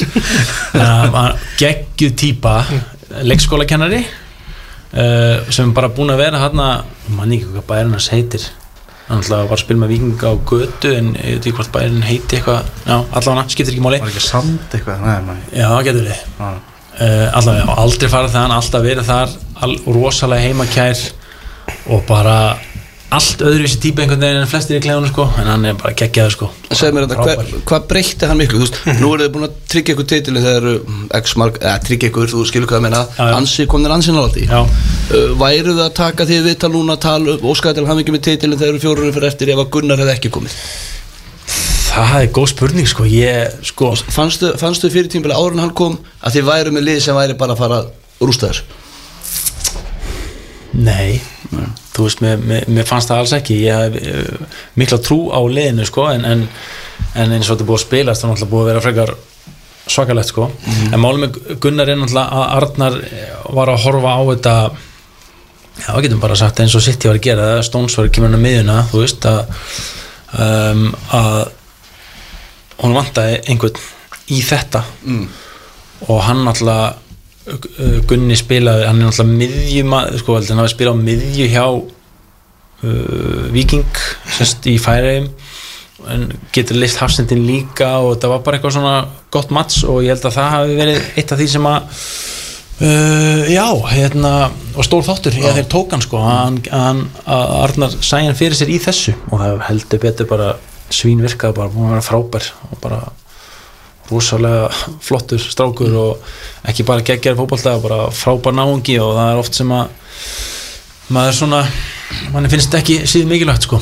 Sástu bara, bara á þessum æfingu þegar Gunnar er að komin var bara, erum við þurfum að breyta svolítið miklu í leikstílunum Nei uh, ég uh, sá það raun ekki og uh, svo sem hann er ekkert mikill æfingaspilari sko, þannig sko. Uh, uh, bara ef ég tala hreint út sko, en í leikjum þá bara er hann rosalur og hérna en já, ég, ég veit ekki hvort að sko, ég held að Arnar alltaf hafi verið með þetta í haustnum sko, já. úst, að vilja gera þetta en bara vantað típuna. Þannig að um leið og Gunnar koma þá hérna, já, fóru að gera þetta. Er- gerðum þetta ekki í fyrstu leikjanum held ég. Vorum ekki að leysa svona inn á miðju, nei, stjarnan og fylgir hann til að byrja með, að það var bara ég og Oliver og já, og svo þegar Gunni kemur þá byrjum við á þessu sko, á fullu. En þú veist, kemur þetta svona ekki bara óvart hversu smúð þetta einhvern veginn gekk? Í rauninni sko ég, það er eiginlega lílegt sko þannig að maður horfður tilbaka en held að líka bara kútos á, á strákana í liðinu líka, þú veist, hversu vel hann kom inn í þetta og gjellaði við þetta og þetta þjálfur teimi líka að hérna, hafa greinlega bara fundið eitthvað bara nákvæmlega rétta uh, hvað ég segja, bara svona réttu stöðuna fyrir hann einhvern veginn, bara hvernig það, þú veist, þannig að þetta samspila mörgum Hinn svona reyndilegmar sem kemur inn í hópi Leirvík heitir já. Það Gunnar. Frá Það þurft að koma þess algjörða, algjörða, já. Matti Villa. Já, Varstu strax seldur á það, þá hugmynd? nei ég var, var það í raunin ekki sko og hérna og en auðvitað veit ég nákvæmlega hvað Matti getur í fótbolta og hérna en og vissi að hann var í ógeðslega góður skilur en það komið samt og óvart. Þannig ekki. Hversu hérna hversu góður hann er sko. Og í öllu þú veist. Og, veist, og svo spila hann fór hann í hafsendur um daginn í hérna úrstöðuleiknum og, og maður var svona ok, Matti hafsendi á já, alveg rétt, já, þú veist, hann á leiki í hafsend sko, miklu starra sviði en við allir saman sko, í Europa League, þú veist þannig að það er ekkert vesen sko, þú veist, hann er bara já, að vera bara frábær. Og, og, og eins og með og eins og með, hérna Gunnar bara geggja gæi, sko þú veist, En var þetta eins og Arna sagði? Var hann að tapa alltaf á æfingu? já, sko já, já, sko, Sölvi byrjaði að halda um í vetur svona hérna það bara spil, skiptið tvö lið hvort ungi gamlir eða whatever og þá bara talir og það er punkt fyrir sigur. Og svo áttu bara að halda utan á þetta og það er alltaf hérna, maður, mán, starfsmaður mánaðins skilur, þú veist, eftir hver vinnu flesta. Og Mattias var bara tapaði allt öllu alltaf til að byrja með skilur og Mattias er náttúrulega mikil keppnismæður og þetta var alveg böggan sko. Þannig að hérna, já, þeir eru að vísi það en, en ekkert alvarlega en það sko. Veist, það var ekki einn ein, ein, mánuður eða eitthvað tveir sem hann var sem hann var ekki að vinna mikið að einhverjum en minna, það er ekkert big deal sko. Nei, það snýrið svona smá blásið upp sko, já, heldur betur. En þú talar um að Gunnar var ekkit svona frábæra æfingaspillari Hver er bestur á æfingum hjá Vikingi? sko, gríslingarnir sko, ég meina er náttúrulega uh, Djuritsinn og mist hann, hann er góður. Og hver eru fleiri frábæra segja, já ég myndi segja þessir ungustrákanir sko, þeir eru, þeir eru ég held að sé yfirleitt þannig í liðum sko ungustrákanir séu bestu, bestur æfingum. En hérna, en þegar ég segja þessi ekki góða æfingaspilar þá er ekki að Nei, segja þessi eitthvað hörmulur sko. Nei, nei, en, bara, en, en, en bara svona fyrstu þú, það ber kannski ekkert með sér allan fyrsta æfingum og æfingum hversu actually góður hann er sko. Þannig að um, basically hann, Er mikið líka spilað 11-11 heilu, heilu völlur? Til þess að þú getur Nei. séð hversu menn góðu menn er nei, það er ekkert Þannig sko. að það breytir öllu. Algjörlega. Um, það er ekkert, ekkert gert sko. Eiginlega ekki neitt. Eitt leikmaður sem ég vil nefna sem að verið kannski einn af sögum sumarsins og mögulega bara besti leikmaður sumarsins, mm. Birnasnæður Ingarsson. Bara þjálfarateimi Víkings tókst að gera það sem maður búið að tala um í mörg mörg ár. Já. að finna bara stöðuleikan í honum og, og hann er búin að gjössanlega á veldi Já, algjörlega, ég meina þið sjáu það að það er moment í leikjum sem hann er bara fyrsti maður tilbaka þegar skyndisóknu hinlegunum skilur auðvist, hann er bara, Ah. hann er búinn að bæta sig rosalega mikið hvað það var auðvitað alltaf með hitt skilur. Offensively bara rosalur, þú veist en, en hitt er komið líka og hann bara, já, bara að rosalur sko, bara geggjaður. Það er bara svo margir þjálfara búin að vera að reyna að ná þetta ég myndi að tala sko. um þetta þú Já. veist og hérna og, og fyrsta ára hans var í fyrra og það voru alveg svona sæn. Ég mann eftir einu moment í byggrúsleiknum í fyrra mútið FH þá átt hann rosalegt trackback sko bjargæl og línu hjá, fyrir okkur. Uh, og hérna og svo bara búið að byggja stóna það ár sko bara já bara ótrúlegur og ég, þú veist, ég kom mér smá óvart að hann bara hefði ekki komið eitthvað, hann hefði ekki bara farið út sko, eða mitt sumar sko. Hvernig var innspyttingin að fá atvinnumannin Aron Eilis inn á æfingar? Ég, hann er alltaf bara allt og góður til að vera í viking eða skilur, hann vera í sér deild. Það er bara, bara kom reynd út með það. Og hérna hann, er náttúrulega bara geggjar í öllu þú veist var að hafsend senstleik út af K.R. bara maður leiksins þar skilur og bara, þetta er eins og þetta sé rosalega lítið málferðan af allt saman. Og sem það er bara, þú veist, hann er bara já, ég er bara að segja það, hann er bara of góður. Mhm. Horfður á blikana á, í, möndu Maccabi? Horfði á blikan í gær bara geggja að fylgjast með þeim og bara hérna bara frábært að sjá, sjá Íslands lið vera komið þanga, bara geggja. Mm og hugsaður eitthvað þarna, þarna viljum við vera á, já, en, já og, og þetta er bara sem klúbbarnir að gera, þeir eru alltaf að þú veist gera, þú veist, núna á þeir Evropu og þeir segja bara hei, hvað ætla þeir að gera? Já, einmitt. nú þurfum við bara, það er bara Europa League. Það er bara næsta skrif fyrir Íslands lið. Og hérna, og okkur ættu við ekki geta það, eða blikar eða eitthvað, ég held að það sé bara já, þetta leit mjög vel út.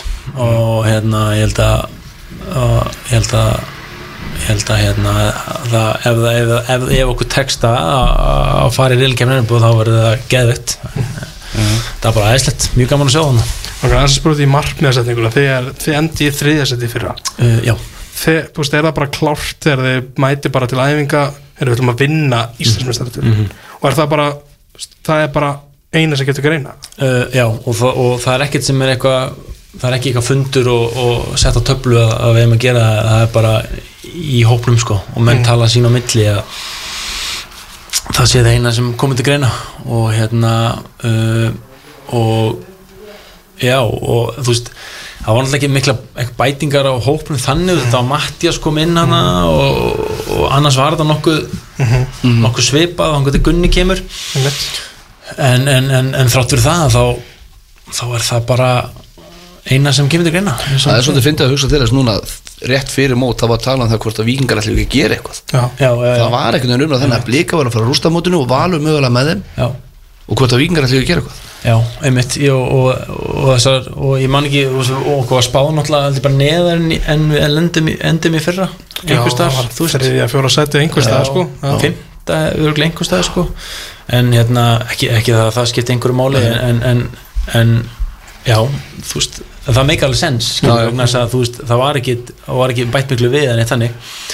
En svo auðvitað, þú veist, hérna, Óliver var á fyrsta ári fyrra, Bitti var á fyrsta ári fyrra þú veist, sjá bara Óliver núna skilur bara í rugglinu og hérna, þannig að þannig að hérna já, bara uh, það kom aldrei neitt andri greina. Þú veist ofan þetta líka missiði fyrirliðan sko vissum er að- ég er að rifja upp með því sko, það er kannski sem að setja svip á spána sko. ég er búin að gleyma því að þú serð bara hvað það hérna, hvað það segir Júlin alltaf bara frábæð fyrir okkur og er að standa sér ókslega vel núna þannig að algjörlega ég hérna já, þetta er alveg valið spurning skilur þú veist, en ég held bara að þú veist, vikingur er bara þeim stað að, að það þú veist, það er ekkert hægt að, segja neitt annað, að gera markmiðum neitt annað en að, en að vinna sko.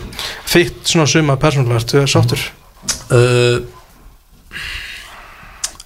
ég er náttúrulega uh, ég spila 21 leik uh, er kannski byrnilega í helmingnum eða eitthvað en nú er alltaf til að spila meira en við fundum hann bara frábæra blöndu skilur við sem Arnar var að keira mikið á og alltaf með Gunna og Oliver og, og svona hafsendum eins og mér til varnar þá eru við kannski með 60-65% með boltan í leikjum með þryggjamanna uh, build-up uh, og Arnar finnst gott að vera með tvo bakverði þar til að geta kert fram. Þannig að þú veist tveir þriði á leikjum kannski hel, uh, meira en hel, helminga leikjum þá eru bara með einn hafsend einn starfandi hafsend sko. Mm. þannig að það náttúrulega gerir þetta gerir maður nærið fyrir en eh, já, ég var náttúrulega til að spila meira og ég uh, ætlast til þess að sjálfum mér að spila meira næsta ári Ertu búin að, er þeir að ræða núna saman samling? Eh, Já, við erum að tala saman og ég bara já, en svo tölum við í byrjun skilur veist, eftir allan tíma sem ég hef verið einna, þú veist, þá það er bara galið alltaf að fara eitthvað að hætta núna skilur þetta er svona gaman þú veist, þannig að já, við, við erum aðeins byrjað að tala saman og hérna vonandi eh, endar það bara á komastað Þú er 35 ára ekki? Eh, já, og jú, verður 35 í oktober Já, þú er það gaman að þú þarfst að hugsa um hvað þú ert gaman Hvað áttu mikið eftir? einmitt. Uh, mikið eftir að bara árum. Já, ég sko, ég meina ef við tökum árið ára þá er ég uh, good to go í hvern einasta leik. Þú veist, ég er aldrei mittur nokkanum út og hérna uh, þannig að ég hef aldrei átt í vissin með það þannig að ég veist, sé ekki okkur ég geti spilað allana ég veit ekki, tvöru uppbót hvað var, hvað var Söl og hvað var í gamli þegar það ná þeim, ég held að Kára við 39 ára eða eitthvað en, en ég held ég eigi alveg eigi alveg smá eftir, þú veist, aldrei verið hraði hefur aldrei verið eitthvað partur af mínu geimi sko, þannig að og, og, og ég er að halda ágætlega í það sko, þannig að Er skrítið að vera í viðræðum við Kára um nýjan samling? Sko uh, Ég seinast Ég samti fyrir tveim árum seinast og þá var Kári uh, hérna að semja en við ákvæmum bara að hann myndi ekki vera hinum einum borðið skilur okay. að, þeir- að, það var aðri sem tók þetta. Ok. Við erum bara það góði vinir sko að það hefði líka gengið upp sko. Það veist það er náttúrulega og hann með hagsmunni vikings að leiðljósi og kannski mína líka og þetta var svona hann, hann við bara hann steg frá og ég held að það bara er gott og, en ég held að kannski þurfi ekki núna en þú veist. Það er lengra liðið frá. Já hans lengra leið frá og já en við sjáum til kannski en það er nóg munum hann til að semja sko. Þegar skúrtin fara á hilluna, verður áfram viðlóðin boltan eftir það? það verður erfitt að slíta sig frá sko. Um, ég er reyndar eins og núna engan áhuga á, á, á að þjálfa sko. Bara ekki neitt sko. En kannski er er eitthvað annað hægt að gera getur maður ekki bara verið að Hún er alltaf að fjölga hluturkonum í, í fótboltanum. algjörlega, þannig að kannski verður eitthvað annað fyrir mig. Ég vona það vegna þess að ég er náttúrulega bara búin að vera niður í vík bara sín ég var 6 ára, skilur, 5 ára eitthvað hvernig degi, þannig að það verður- það verður skrítið Breiðablík vikingur á, á mánudaginn náttúrulega það er þessi rígur Breiðablíks og viking sem er í gríðarlega uppáldi okkur Já. Hvernig er að vera bara í miðri í þetta er gaman sko. Já. þú veist ég hérna maður heyra svo mikið frá fólki sem finnst að vera algjört rugl og eitthvað svona en þú veist þetta er snild skilur þú veist og, og þannig svona vill maður hafa þetta held ég. Um, uh, og, og þú veist og svo getur alveg sagt fólki sem er hérna meikar þetta ekki að þú veist þetta er nú ekki dýpri rígur en það en þú veist þegar liðið ná einhverjum árangri í byggurum eitthvað þú veist þá eru blóm og kransar sem fljúum milli skilur þú veist þetta er ekkert dýpra en það sko. Þannig að hérna bara svakaði Já. samkeppni og algjörlega, þú veist, og bara, þú veist, bara algjör veistla, skilur, ég held að ég held að, ég held að ég segi líka bara að tala fyrir blikastrákarna, skilur, og, og mína Þú heldur að breyðablík bara sem félag hafi ítt vikingi alveg upp á. 100% alveg pottjött og öfugt, sko. Ég er bara, ég er no doubt in my mind, sko. Sem mér mér finnst líka svo skemmtilegt sko að búa að segja mann einhvern veginn að svona rígur væri ekki til lengur í fótbolta mm. væri bara búinn, þetta væri hefði alltaf verið svona í gamla það svo, veist, er þetta bara til staða núna sko? Já, þetta er, þetta er, þetta er geggjað sko, veist, auðvitað er, er svona einhver, þú veist, maður má ekki fara oflangt með þetta, veist, slagsmál það er kannski komið of langt en það var aðeins farið við strikið í kópáinum Já, aðeins farið strikið í kópáinum, skilur en hérna við erum bara að finna við, er þetta ekki bara partur af því að finna línuna þú veist, skilur, hvað, en, en bara þú veist, harka í leikjum og allt þetta bara gegja mm. Það er rosalega leikur á mánu heldur betur og bara mikið undir já, vant, þú veist, kannski fyrir Viking að klára þetta, en þetta var alltaf mikið undir fyrir blikana, sem að gera hann að leikin alltaf risa stóran, sko. ég meina það, það er náttúrulega það er vel að pressa á þá FH er að pressa allána og hérna og svo náttúrulega það og svo on the other hand náttúrulega vilja er ekki að við sem að fagna neinu á, á þeirra velli sko. að, Þeir hefðu hérna, sennilega kannski gamla því að þeir komið sem Íslandsmyndstarar og einhvern veginn eiginlega partið með að vinna. Já, einmitt. Þá þurfa það að standa heiðisverð samt. Það, það kannski Taka heiðursverðin og vinna. Já, það er bara eitthvað. Hérna, við erum eftir að já, eftir að sjá hvernig hvað verður með hann heyrðisvöld Er þetta ekki að sjá það gerast? Hreinskilið. ég, ég, svona hreinskilið, þú veist, þá veit ég það ekki skilur og hérna og ef þeir, ef þeir gera ekki þá er það bara fyndið, skilur, líka. Þú veist, þannig að það er bara bæði bara gaman sko. Heldur betur. Herra Vikingur, Haldur Smári, bara takk kjærlega fyrir Bara- komuna, virkilega gaman að fá þig. Takk fyrir að fá mig heimsókn, takk. Þeir eru hlusta á fótbolta.net hér á X977 Helvar Geir einn eftir hérna í fiskabúrinu. Er þó ekki alveg eitt því að á línunni er okkar maður Kristján Atli. Sæll og blessaði Kristján. Blessaður. Heyrðu áður en við förum í, í uh, enska boltan uh, þá ætlum við að svona aðeins að uh, kíkja annað. Byrjum kannski að líta aðeins á bestu deildina, það er eitt leikur í neðri hlutanum svakalega mikilvægur leikur IBVF og Fram sem er að hefjast núna klukkan 2 í vestmannum og byrjunulegin eru, eru komin inn og það er kannski svona helsta frétta að uh, Jón Kristinn er í markinu hjá eigamönnum þar sem að Guy Smith er greinilega ekki klár fekk höfuðhögg í, í síðasta leik og uh, það eru nokkra breytingar sem hefði með reyðasar að gera en rækki sig með óbreytt lið frá eitt eitt jafntöflinu á móti háka og mandar talsvægt marga í framliðið og meðsli sérstaklega varnarlega hjá þeim. Þessi leikur að hefjast klukkan 2 á sama tíma þá er uh, Víðir KFK og KFA KFG undan úrsliðinu í fótbolta.net byggarnum og allir þessi leikir í beinni textalýsingu á .net. En Lingby, Lingby hodnið Gilvi Þór Sigursson að eh, spila sem fyrsta fótbollaleik í tvö ár í gær. Þetta var já svona stór stund má, má segja bara fyrir, fyrir íslenskan fótbolta að, að þessi já bara eitt besti landslýsmaður sögunar á Íslandi sé að eh, snúa aftur. Já, já. Uh, við erum kannski búin að býða líka svolítið eftir svarinu frá því að, að hérna, að að allar rannsóknir voru felta niður í vor. Við vissum bara þeim leiki hvort að hann hefði hugað á því að reyna að spila fótbolt aftur. mm -hmm. Uh, en hingað eru við komin og, og Gelvi Þór Sigursson er byrjað að spila fótbolt aftur og, og hvað sem mönnum finnst um hvað annað þá hljóta það að vera gleðitíði fyrir uh, íslenska knaspununendur og, og kannski þá líka okkur sem að ekki síst svona vonum að hann snú aftur landsliði ekkert í mann þannig að stórstund, jú, jú og þetta vistist þeirra stórstund í Lingby líka, þetta náttúrulega svona hálfgett íslendika samfélagar með sjálfvaran og fleiri leikmenn hérna en hérna, þetta greinilega fór ekki fram hjá neinum.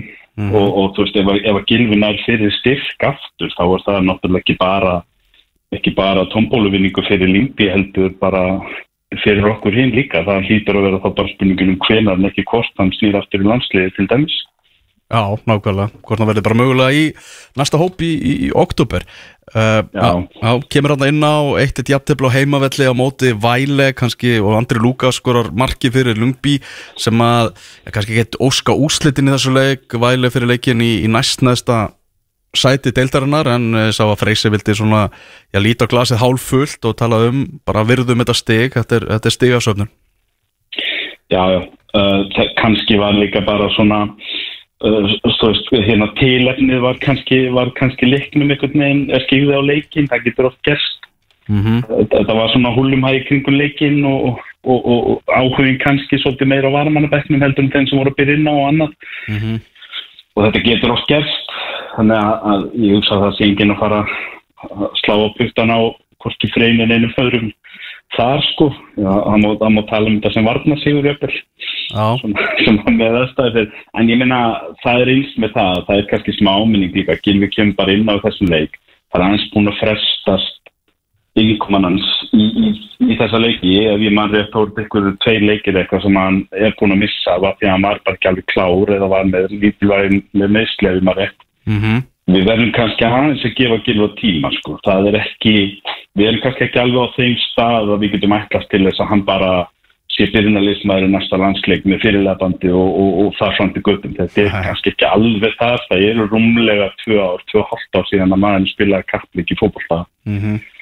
og það tekur bara það tekur tíma að koma sér inn í það efast í um ef, efast ekki um, þannig að við verðum kannski að sína að gilva smá fólum að því, ekki kannski ætlast til þess að hann hlæði þrennu strax í næsta leik fyrir lingbi Mhm. Þannig að já, spilaði 20 myndur í, gær. Ég veit það að svona þegar Freyr tekur við þessu lyngbíliði hann vildi svona vera smá passasamur að vera ekki of mikið að Íslandinga væða liðið en, en ég veit það bara einhvern veginn umhverfið í kring er bara orðið þannig að nú bara heimta lyngbí bara fleiri Íslandinga það er, það er bara einhvern veginn Íslandinga æði þarna í, í gangi og náttúrulega Kolbjörn Finnsson, Sævar Alli og Andri Lukas náttúrulega líka hjá, hjá liðinu og svo náttúrulega hugleikur komin í samstarf þarna við Lyngby og það er komin þarna húbólir og ég veit ekki hvað og hvað og ég held að með að við svona það sem að sá að samfélagsmiðlum í gær þá veitist bara annað hver áhorfandi á leiknum í gær vera Íslandingur sko. Það hlýtur að stýttast í að æskæs fara að hýta upp á vellinu hérna fyrir leiki og eitthvað, ég meina menn hljóta bara að fara allavega með þetta og hendi þjóðatíða stemningu eitthvað. En hérna, og, ef ekki vera bara með íslensk spons á þetta líka og fá ykkur íslensk fyrirtæki með í með, í- með í hérna skemmtunina. En, en ég menna það er kannski, þetta er kannski þú veist, menn byrja á ykkur meinu stað. Það er aðeins íslensku þjálfar og hann sækir eitt leikmann eða tvo leikmann, svo bara gengur vel. Mm og þá er oft erfi með auðvelt að vilja kannski líka sækja í það sem að menn þekkja og vita. Það er gott. Já. ég meina við getum, þetta er ekkert eitthvað einstæmi um það, við, ég- við sjáum til dæmis bara hjá Liverpool í sumar af því að ég er nú sérfræðingur þar líka og þar er Jörg Smakki ráðin úr úrast uh, bundeslíkunis þísku til þess að vera svona yfirmann knaspunumála bara í sumar með klopp -hmm. af því að þeir þurftu svona að redda sér. Og hvað gerist? Liverpool kaupi fjóra miðjumenn einn að klári vor, McAllister. Hinn er þrýrið allir sóttir frá Þískalandi Já, emmitt, þú sækir í það þú þekkir. Akkurát. Og ert með sambandi þannig að ef að vel gengur hjá Frey þá er eðlilegt að hann sækir líka svolítið það sem hann þekkir. Það er kannski, ef hann er kannski með tvo leikmenn á borðinni hjá sér og hann vil bæti sóknin og annar þeir er Andri Lukas og hinn er kannski eitthvað leikmaður frá landi sem hann þekkir minna til það er eðlilegt að hann segir ég Andri Lukas, ég veit hvað ég er að fá. Mm Algjörlega. Skilur Ég var að lesa þarna í tipsblaðið sem er vina fjölmiðl fótbolta.net þarna í Danmörku þar sem að þeir voru að tala um Lyngby hérna á dögunum og þeir töluðu um Lyngby sem sko mini Brentford fyrst þeir svona tökum ennsku tenginguna í þetta og, þarna, og, Já. það, og það er gríðalegt hrós ég held að það sé óvægt að segja það því að það er náttúrulega ótrúlega svona áhugaverið hlutir og pælingar sem er í gangi hjá, hjá Brentford og svona alveg, alveg sko líkingar þarna á milli því að Lyngby er með bara minnsta budgetið í þessu í þessari dönsku úrvalstild og Já.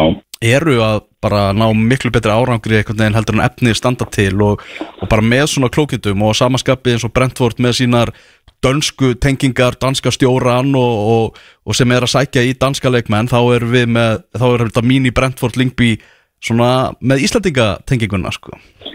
Já, sko þegar þú hefur kannski ekki sömu fjárráð og rótgrónar í klubbarnir sem þú ert að reyna að keppa við og elta og þá verður að fara aðra leiðir og það er þessi moneyball, pæling sem við erum búin að ræða í kringum fótboltan og þar á hafnaboltan í gegnum síðustu 15-20 ár. Að, en þú ert náttúrulega þá á þeim stað, eða þú ert Brentford eða þú ert Lingby að þú ert klubur þar sem að nánast ekkert má klikka. Og þá verður bara að vera rosa vissum hluti og þá kannski enn og aftur komið að því að þú ert að, vinna með klubb þar sem að hugafarið er kannski fyrst og fremst reynum að útrýma óvissu þáttunum eins og við getum og reynum að taka eins litlar áhættur við getum þá meika sens að þú ert með þjálfara sem er þekktur og rótgróin í íslensku knaspinu starfi og, og hefur verið lengi með landsliði og annars líkt að hann sækir það sem að þekki. Af því að það eru bara minni óvissu þættir í að, að, að hérna, nýta sér þá þekkingu sem hann hefur á, á, á, á svona ákunnum hópi leikmanna og það verðist vera að virka. Og eins og þú segir það, það er engin, það er fullkomi hrós í dag að vera kallaður Brentford ykkur á Dildars það er bara, það, það er bara verið að segja vel gert þetta gáttuði Já. Tómas Frank stjóri Brentford var með þetta í, í Monday Night Football hérna bara síðasta mánudag og ég veit ekki hvort þú sé- sér búin að sjá eitthvað svona úr því en bara ótrúlega skemmtileg insýn þar sem að hann var bara að gefa fárlega mikið af sér. Hvernig, hvernig hann pælir í hlutunum og, og hvernig hann nálgast leiki til dæmis á móti þessum topp 6 liðum sem eru með miklu meira fjárráð heldur, heldur en Brentford ég, það fór alveg fram hjá mér það, ég, þetta? ég bara vissi ekki einu svona að þessu ég þarf að kíkja það, það er alveg hreinu Já. hann er, hann er, þú veist, það er gaman líka þú veist, það voru gaman að sjá viðtöl við Klopp og Ten Hag og Guardiola og þessar stóru stjóra en það er, það er annar hugsunaháttur og það er gaman líka að fá insýn í það hvernig svona lið tekst að að- að svona hérna eins og maður segir hérna þú veist að kýla upp fyrir sig í bóksinu og að vera í öðrum í rauninni þingdaflokkan á að vera í á, og, það, og ekki bara að þrauka í úrvarskeldinni heldur bara hreinlega blómstra og lifa lifa af og, og bara gengur vel. Ég meina þeir eru með þess að án Ívan Tóni núna og það sé ekki högg á vatni af því að menn eru bara einhvern veginn búinir að smætta þetta niður í algjör vísindi og það er bara maður í mannstað og þú veist, þetta er bara greiðlega vel reiki félag en það er náttúrulega hættan til lengri tíma er alltaf svo eins og maður segja þegar þú ert að reyna að kýla upp fyrir því það má ekkert klikka. Það mega ekki ein stór kaup klikka eða þú mátt aldrei við einhverju lægð. Hún má aldrei vera löng lægðin, þá, þá getur þú lengt í svakalegum vandræðin þannig að þú veist, þetta er að meðan það er. En maður spyrs alltaf svona kannski hvort þetta sé eitthvað sem getur gengið í tíu ári úrvastild án þess að það klikki þannig að þetta detti niður. En hérna, en er á meðan er og þetta brentfólli er bara ef, ef við hugsum til dæmis um þennan áratug sem að veist, 2020 þá er þetta bara eitt að liðum áratugarins í úrstildinni, það er higlaust þetta er þekkt, við munum örgulega að hugsa tilbaka til þessar ára sem meðan annars áriðin það sem að Brentford og Brighton voru svona rosalega duglega kýla upp fyrir sig.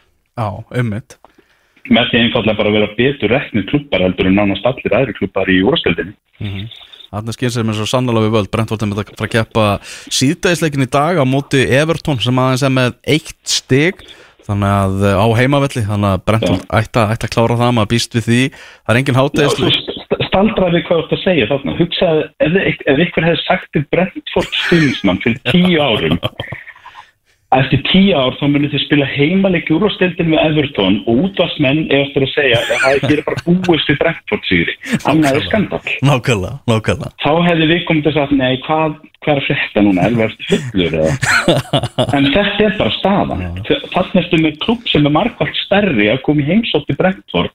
Og við segjum bara að það er bara eitthvað aðeins að Brentford vinnur ekki hennar leik. Það segir okkur mikið um hvernig Brentford hefur verið reikin og kannski náttúrulega líka meira en mörgur um það hvernig Everton á móti hafi verið reknið þannig að þú veist, þetta er bara staðan dag, þetta er svolítið galið en þetta er hægt í fótbolta. Já, það er þannig.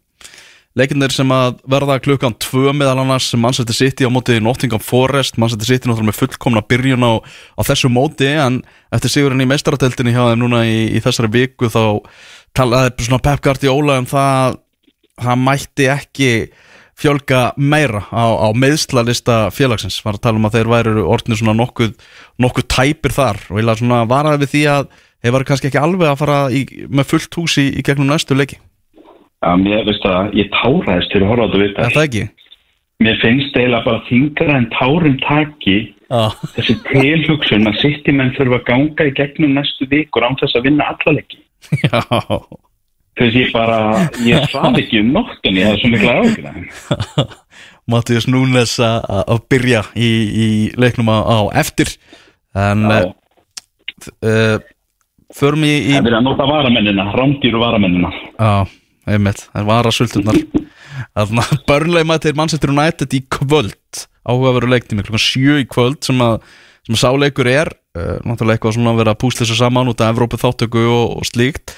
Uh, Þarna börnlega Manchester United maður er hreinlega ekki viss hvernig þessi leikum er fara Nei, það börnlegi, þetta hefur verið strempi hjá þeim í upphæða tímabæks. Ég bjóst eiginlega við þeim sterkari, en þetta náttúrulega hefur kannski verið aðeins á mótið um leikjaplanið. Þetta hafa verið erfið leikir og kannski auðvöldasti leikurinn á planun hjá þeim heima þykkur gegn Luton eða útileikur, ég manna ekki, frestaðist Já, og verður leikinn núna, hvort það er núna í vikunni, miðri eða næstu viku. mhm, Uh, en sko, að því að, að því að maður gert einhvern veginn að þetta væri svona það lið sem ætti kannski mest að sensa að lifa af og koma með einhverju fútti inn í deildina, en það hafi ekki alveg gert það ennþá.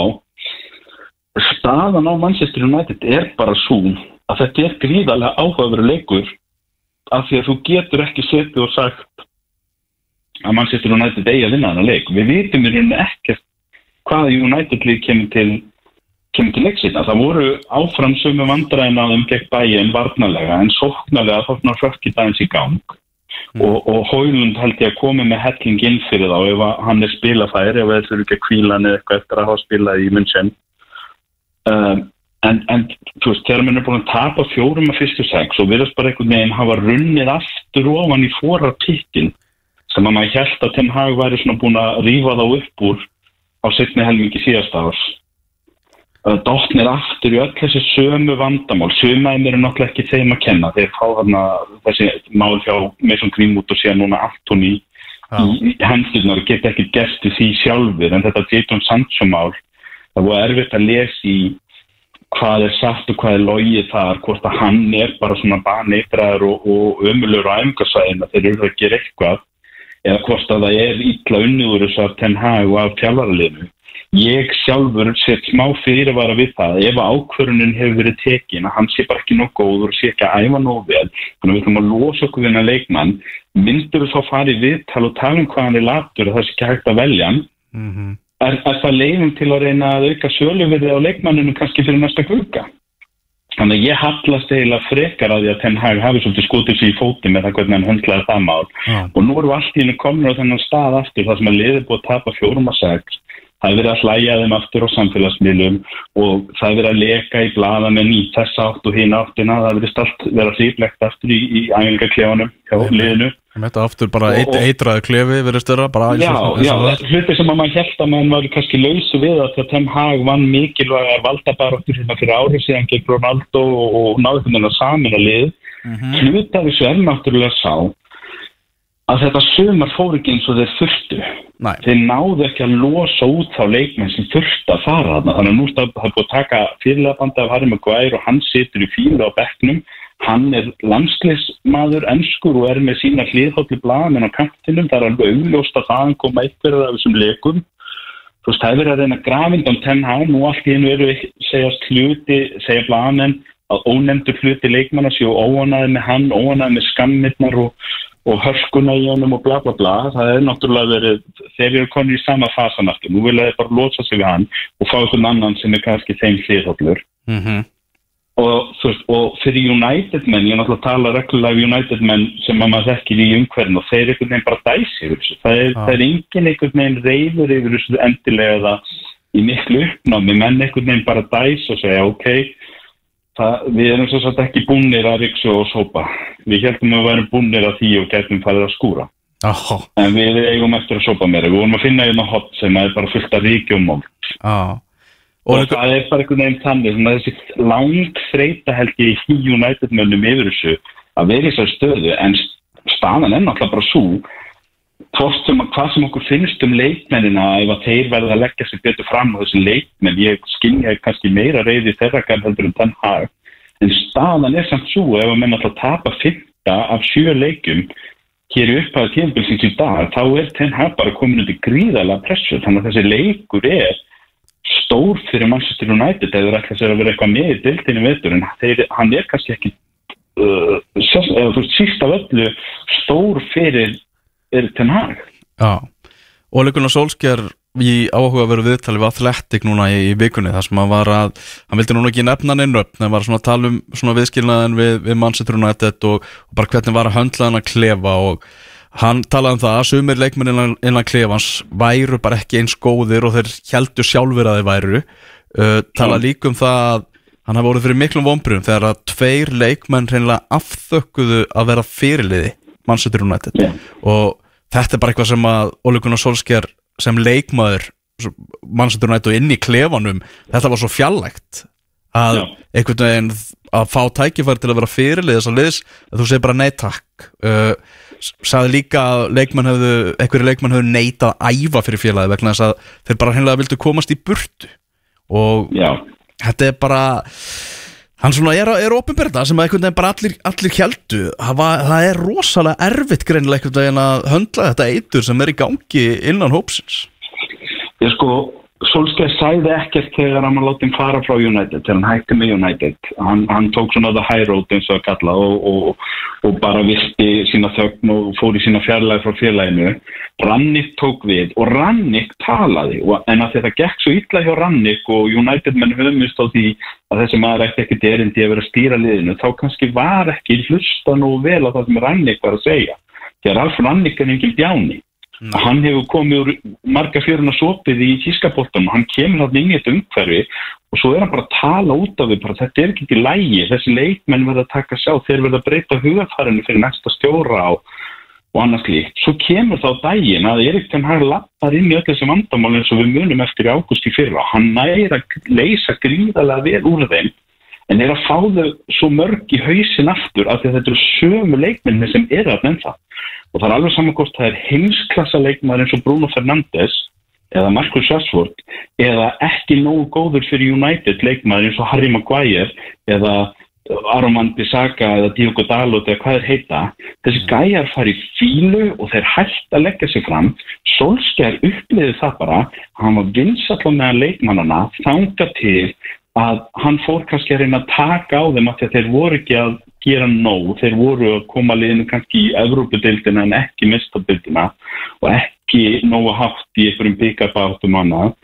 Og þá snerist þið bara gegnum, hann greinilega er að tala um það núna, hann upplýði það bara, menn vildi ekki fyrirlega bandi, menn hættu að æfa, hættu að leggja sig fram, hann bara, og við sáum þetta öll, þetta er ekki neitt, við kemur einu sem horfði á United, Nei. loka vikurnar sem að Solskjær var við völd og óvart, þeir hættu bara á þjálfan, þeir hættu bara að leggja sig fram fyrir félagið og þeir gerðu það fyrir rannik líka, þetta lifa bara komið í sumafrí frá með februar og var eiginlega bara til skammar um vorið þetta í fyrra og þeir eru, það er alveg hægt á því að þeir séu bara sinnlega að gera þetta aftur við Ten Hag núna. Einmitt. Þessi leikminn eru ennþá til staðar og það er hægt að gaggrina Ten Hag, kannski er hann ekki að spila rétt, kannski er hann ekki að velja rétt í lið og kannski er hann ekki gert allt rétt.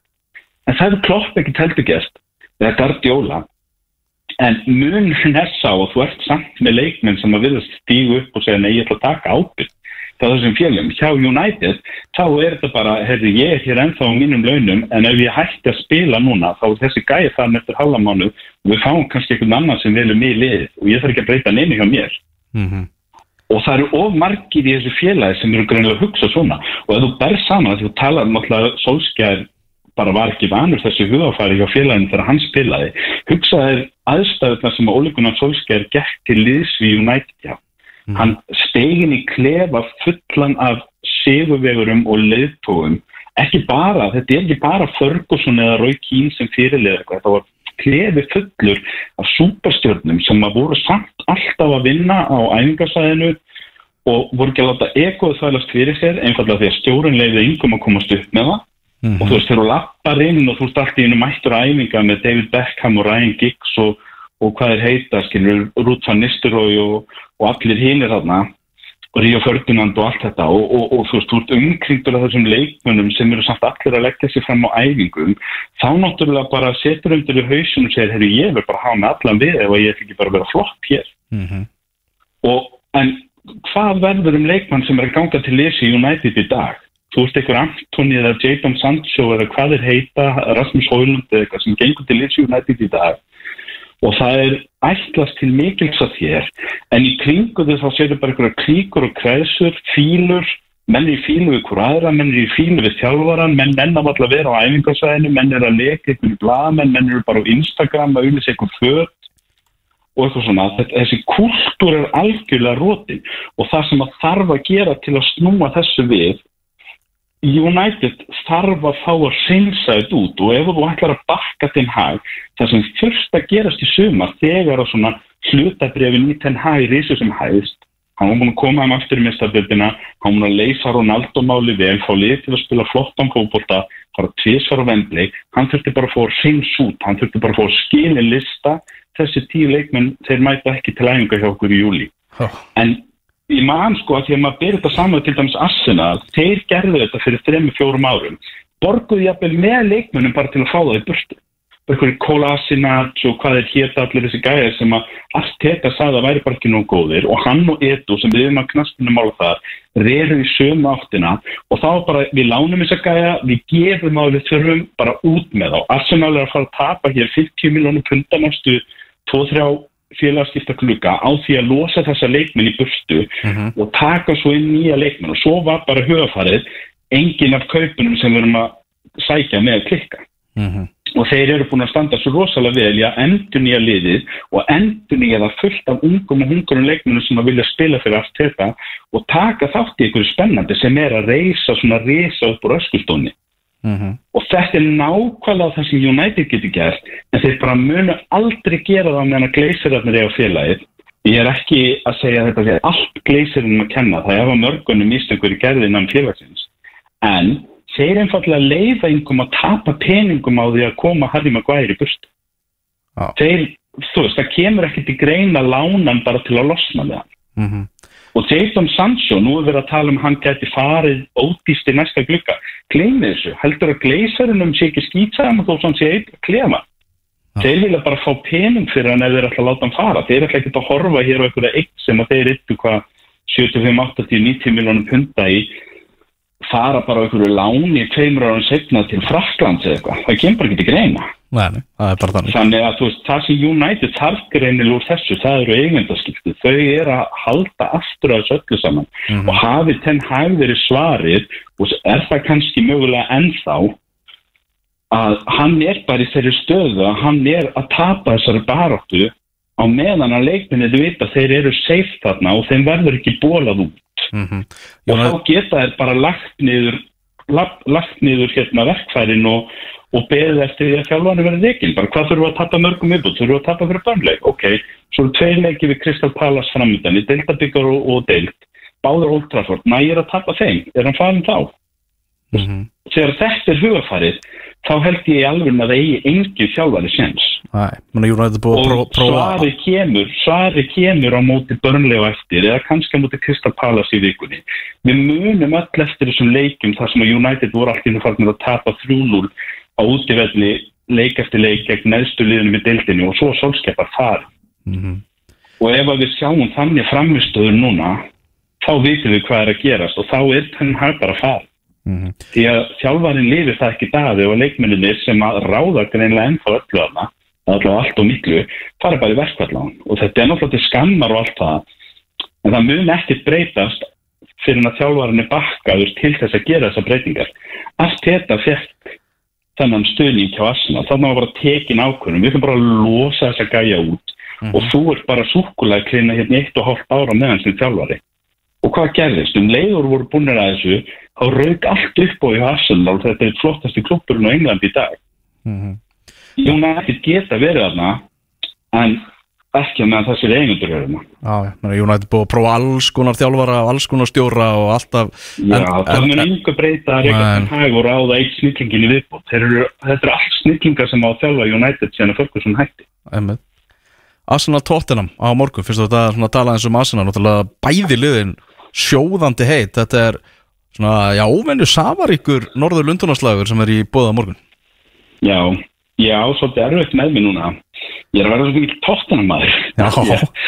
Mér finnst þessi ans posti kóklu Mér finnst þetta að mista það er þannig. Bara því meira sem ég sé að þessu gæja þá er ég bara eitthvað, þú veist, hvað er að gerast hérna? Get ég ekki, þú veist, get ég ekki bara fengið að hafa tóttunum í friði sem við kom að en þeir bara eru að byrja rosa vel og eru að spila flottan bolta, hann verðist ná til leikmannana hann verðist vera maður á eftir að, þú veist, þetta er tóttunum maður á aðeins eftir að sjá þetta endast og ég hef svo sem sett, þegar ég var hjá síðast þá sett ég smá varnagla það að ef þeir alltaf treysta Richarlison til að skora öll mörkinu vetur þá verða þeir í mandræðum en, en ég er á meðan ég er og þessi leikur er náttúrulega sérst hann er alltaf spennandi, þetta er alltaf einn skemmtilegasta viðreiknin svona á dagatalinu þegar þessi tvölið mætast. Klárlega. en að þau skulle mætast svona fljúandi siglingu bæðið tvö. Já, og kannski líka snemm á tímabunni þar sem að mann hafa alveg ég veit ekki, kannski fer það í hinn áttin og menn hugsa með sér að ég stórmistar í aftöfli hentar okkur báðum bara vel núna. Það er að við lengi missa flugið akkur núna og fá eitthvað skell. En kannski fáum við bara líka þennan leik þar sem að bæði lið mæta með kassan út og segja hefur við þurfum að vinna þennan leik þegar það hefur gerst þá hafa þetta jafna verið bara einhverju bestu leikinir og hver einasta tímandili þannig að það er von og algjöru veislu á morgun og ég verð líka svikin ef að, ef að þetta verður einhver leiðindi. Já, er svolítið leiðilegt hvað það er að stilla þessu upp að það er svona margir áhugaverða leikir á sama tíma, þú veist, ofan í þennan slag klukkan eitt á, á morgun. Þú veist, Chelsea sem er náttúrulega bara komið baki upp í veggar að fara að mæta Aston Villa á sama tíma, Brighton þið stórskemmtilega liður líka spila þarna og svo náttúrulega Liverpool Vestham sem er líka á, á klukkan eitt á, á morgun. Það hefði mátt reyfa þessar umferð umferð Alla þessar leiki yfir, yfir daginn sko. En þetta er, þetta er svolítið leðilegt að maður þarf að vera veist, ég mun alltaf missa ykkur Ég horfi væntalega á Liverpool og þeir sem að halda Arsenal eða eru flytlis og horfa kannski þann leik og missa þá svolítið að hínu Því að, eins og þú segir sko hérna Brighton Aston Villa til dæmis er bara út af fyrir sig er bara gríðarlega áhugaður leikur. Og hérna ég, ég bara, þetta, þetta verður alltaf bara magnaður dagur.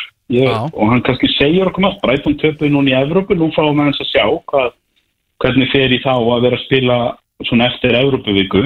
Já, kunni ekki á Evrópu, sagði Deserbi, bara óreindir já, já, aðeins. Það kemur annar taktur inn þegar að spila Evrópuleiki.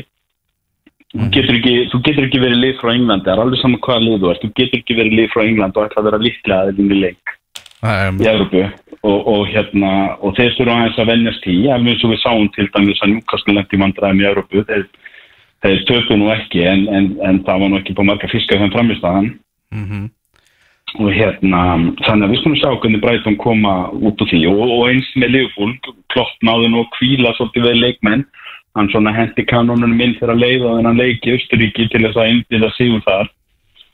En, en hérna en það er samt kannski lið sem að maður myndi að þessum svona helst treysta til þess að sína ykkur framistöðu á morgunna því að þeir eru svo vanið við að vera að spila í Európu en þetta verður bara gríðalega áhafuru dagur dagur sem gæti alveg skipt sköpum. Þannig gæti við séð eitthvað stjórnufröð kannski springur eitthvað bladur á morgun hjá Vestam eða Brighton eða eitthvað kannski hrokka Chelsea í gang.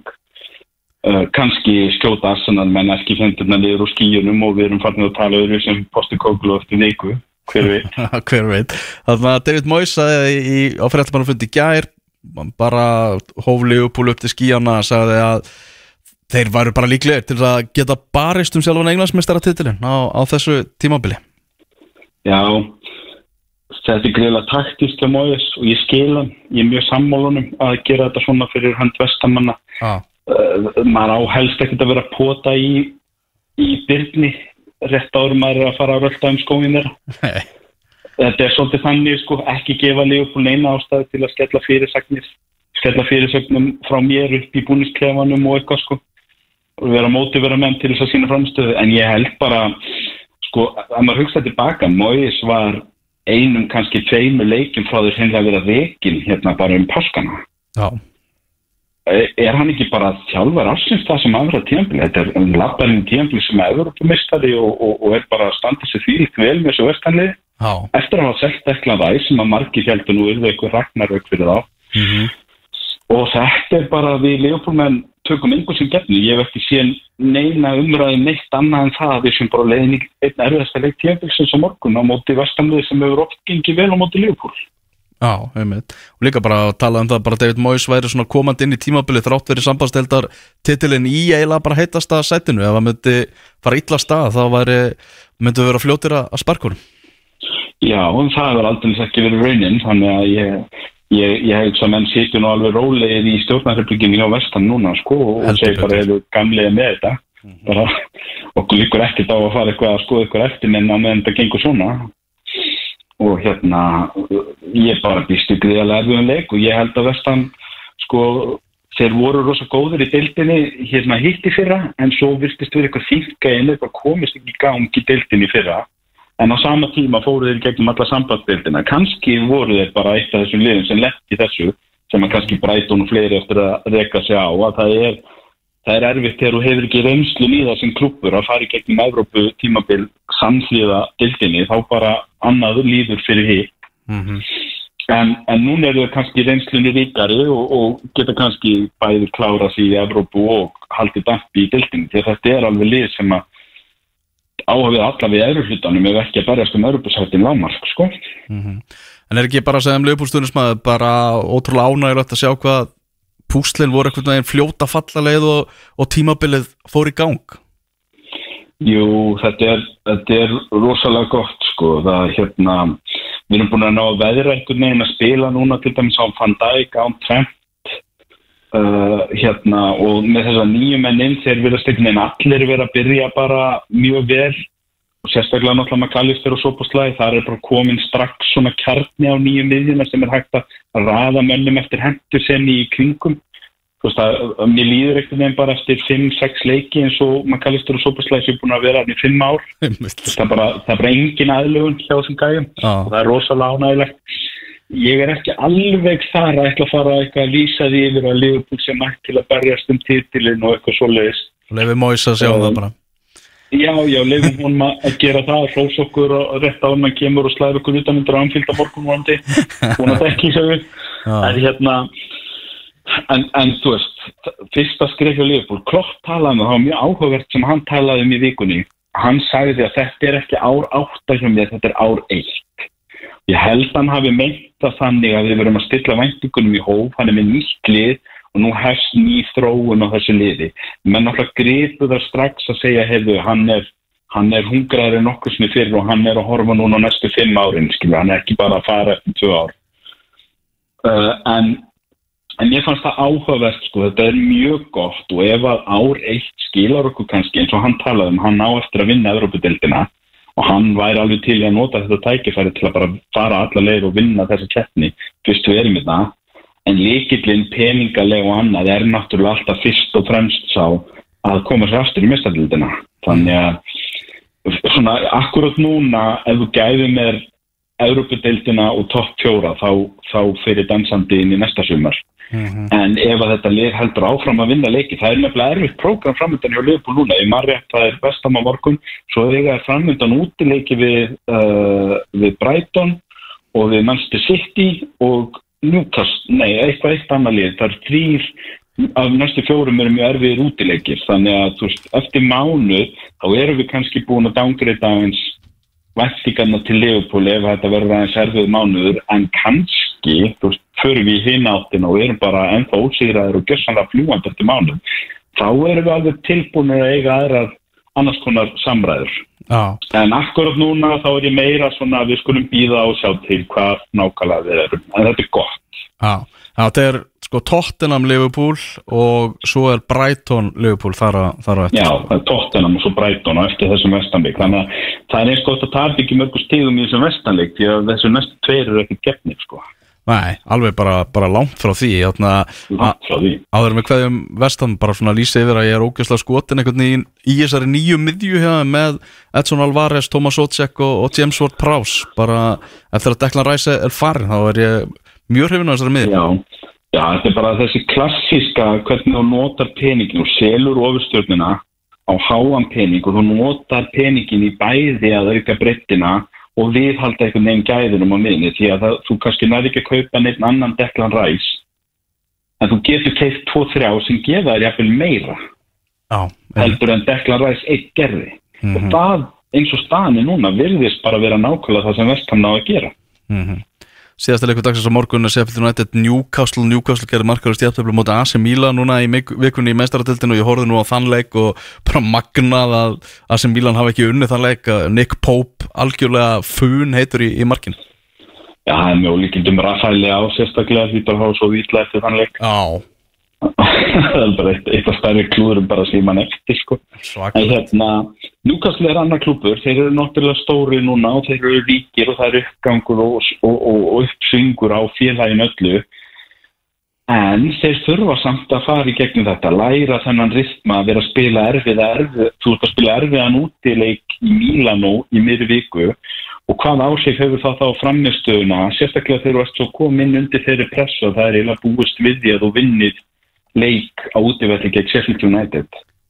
Mitt en, en kannski, kannski erum enn flatir eftir þann leik. Við höfum, við sem að þekkjum við sem að stiðjum klubbana sem eru oftast í mestadeldinni, United og Chelsea City, Liverpool, uh, Arsenal við þekkjum þetta að liðin okkar eru oft bara flöt eftir erfiða, erfið Európleik það er bara þannig. Þannig að veist, þessi lið er ekkert ónæm fyrir því hvort sem að það er Brighton eða, eða Vestham eða, eða gæti alveg lett í því þannig að þetta gæti alveg verið áhugaður leikur á morgun.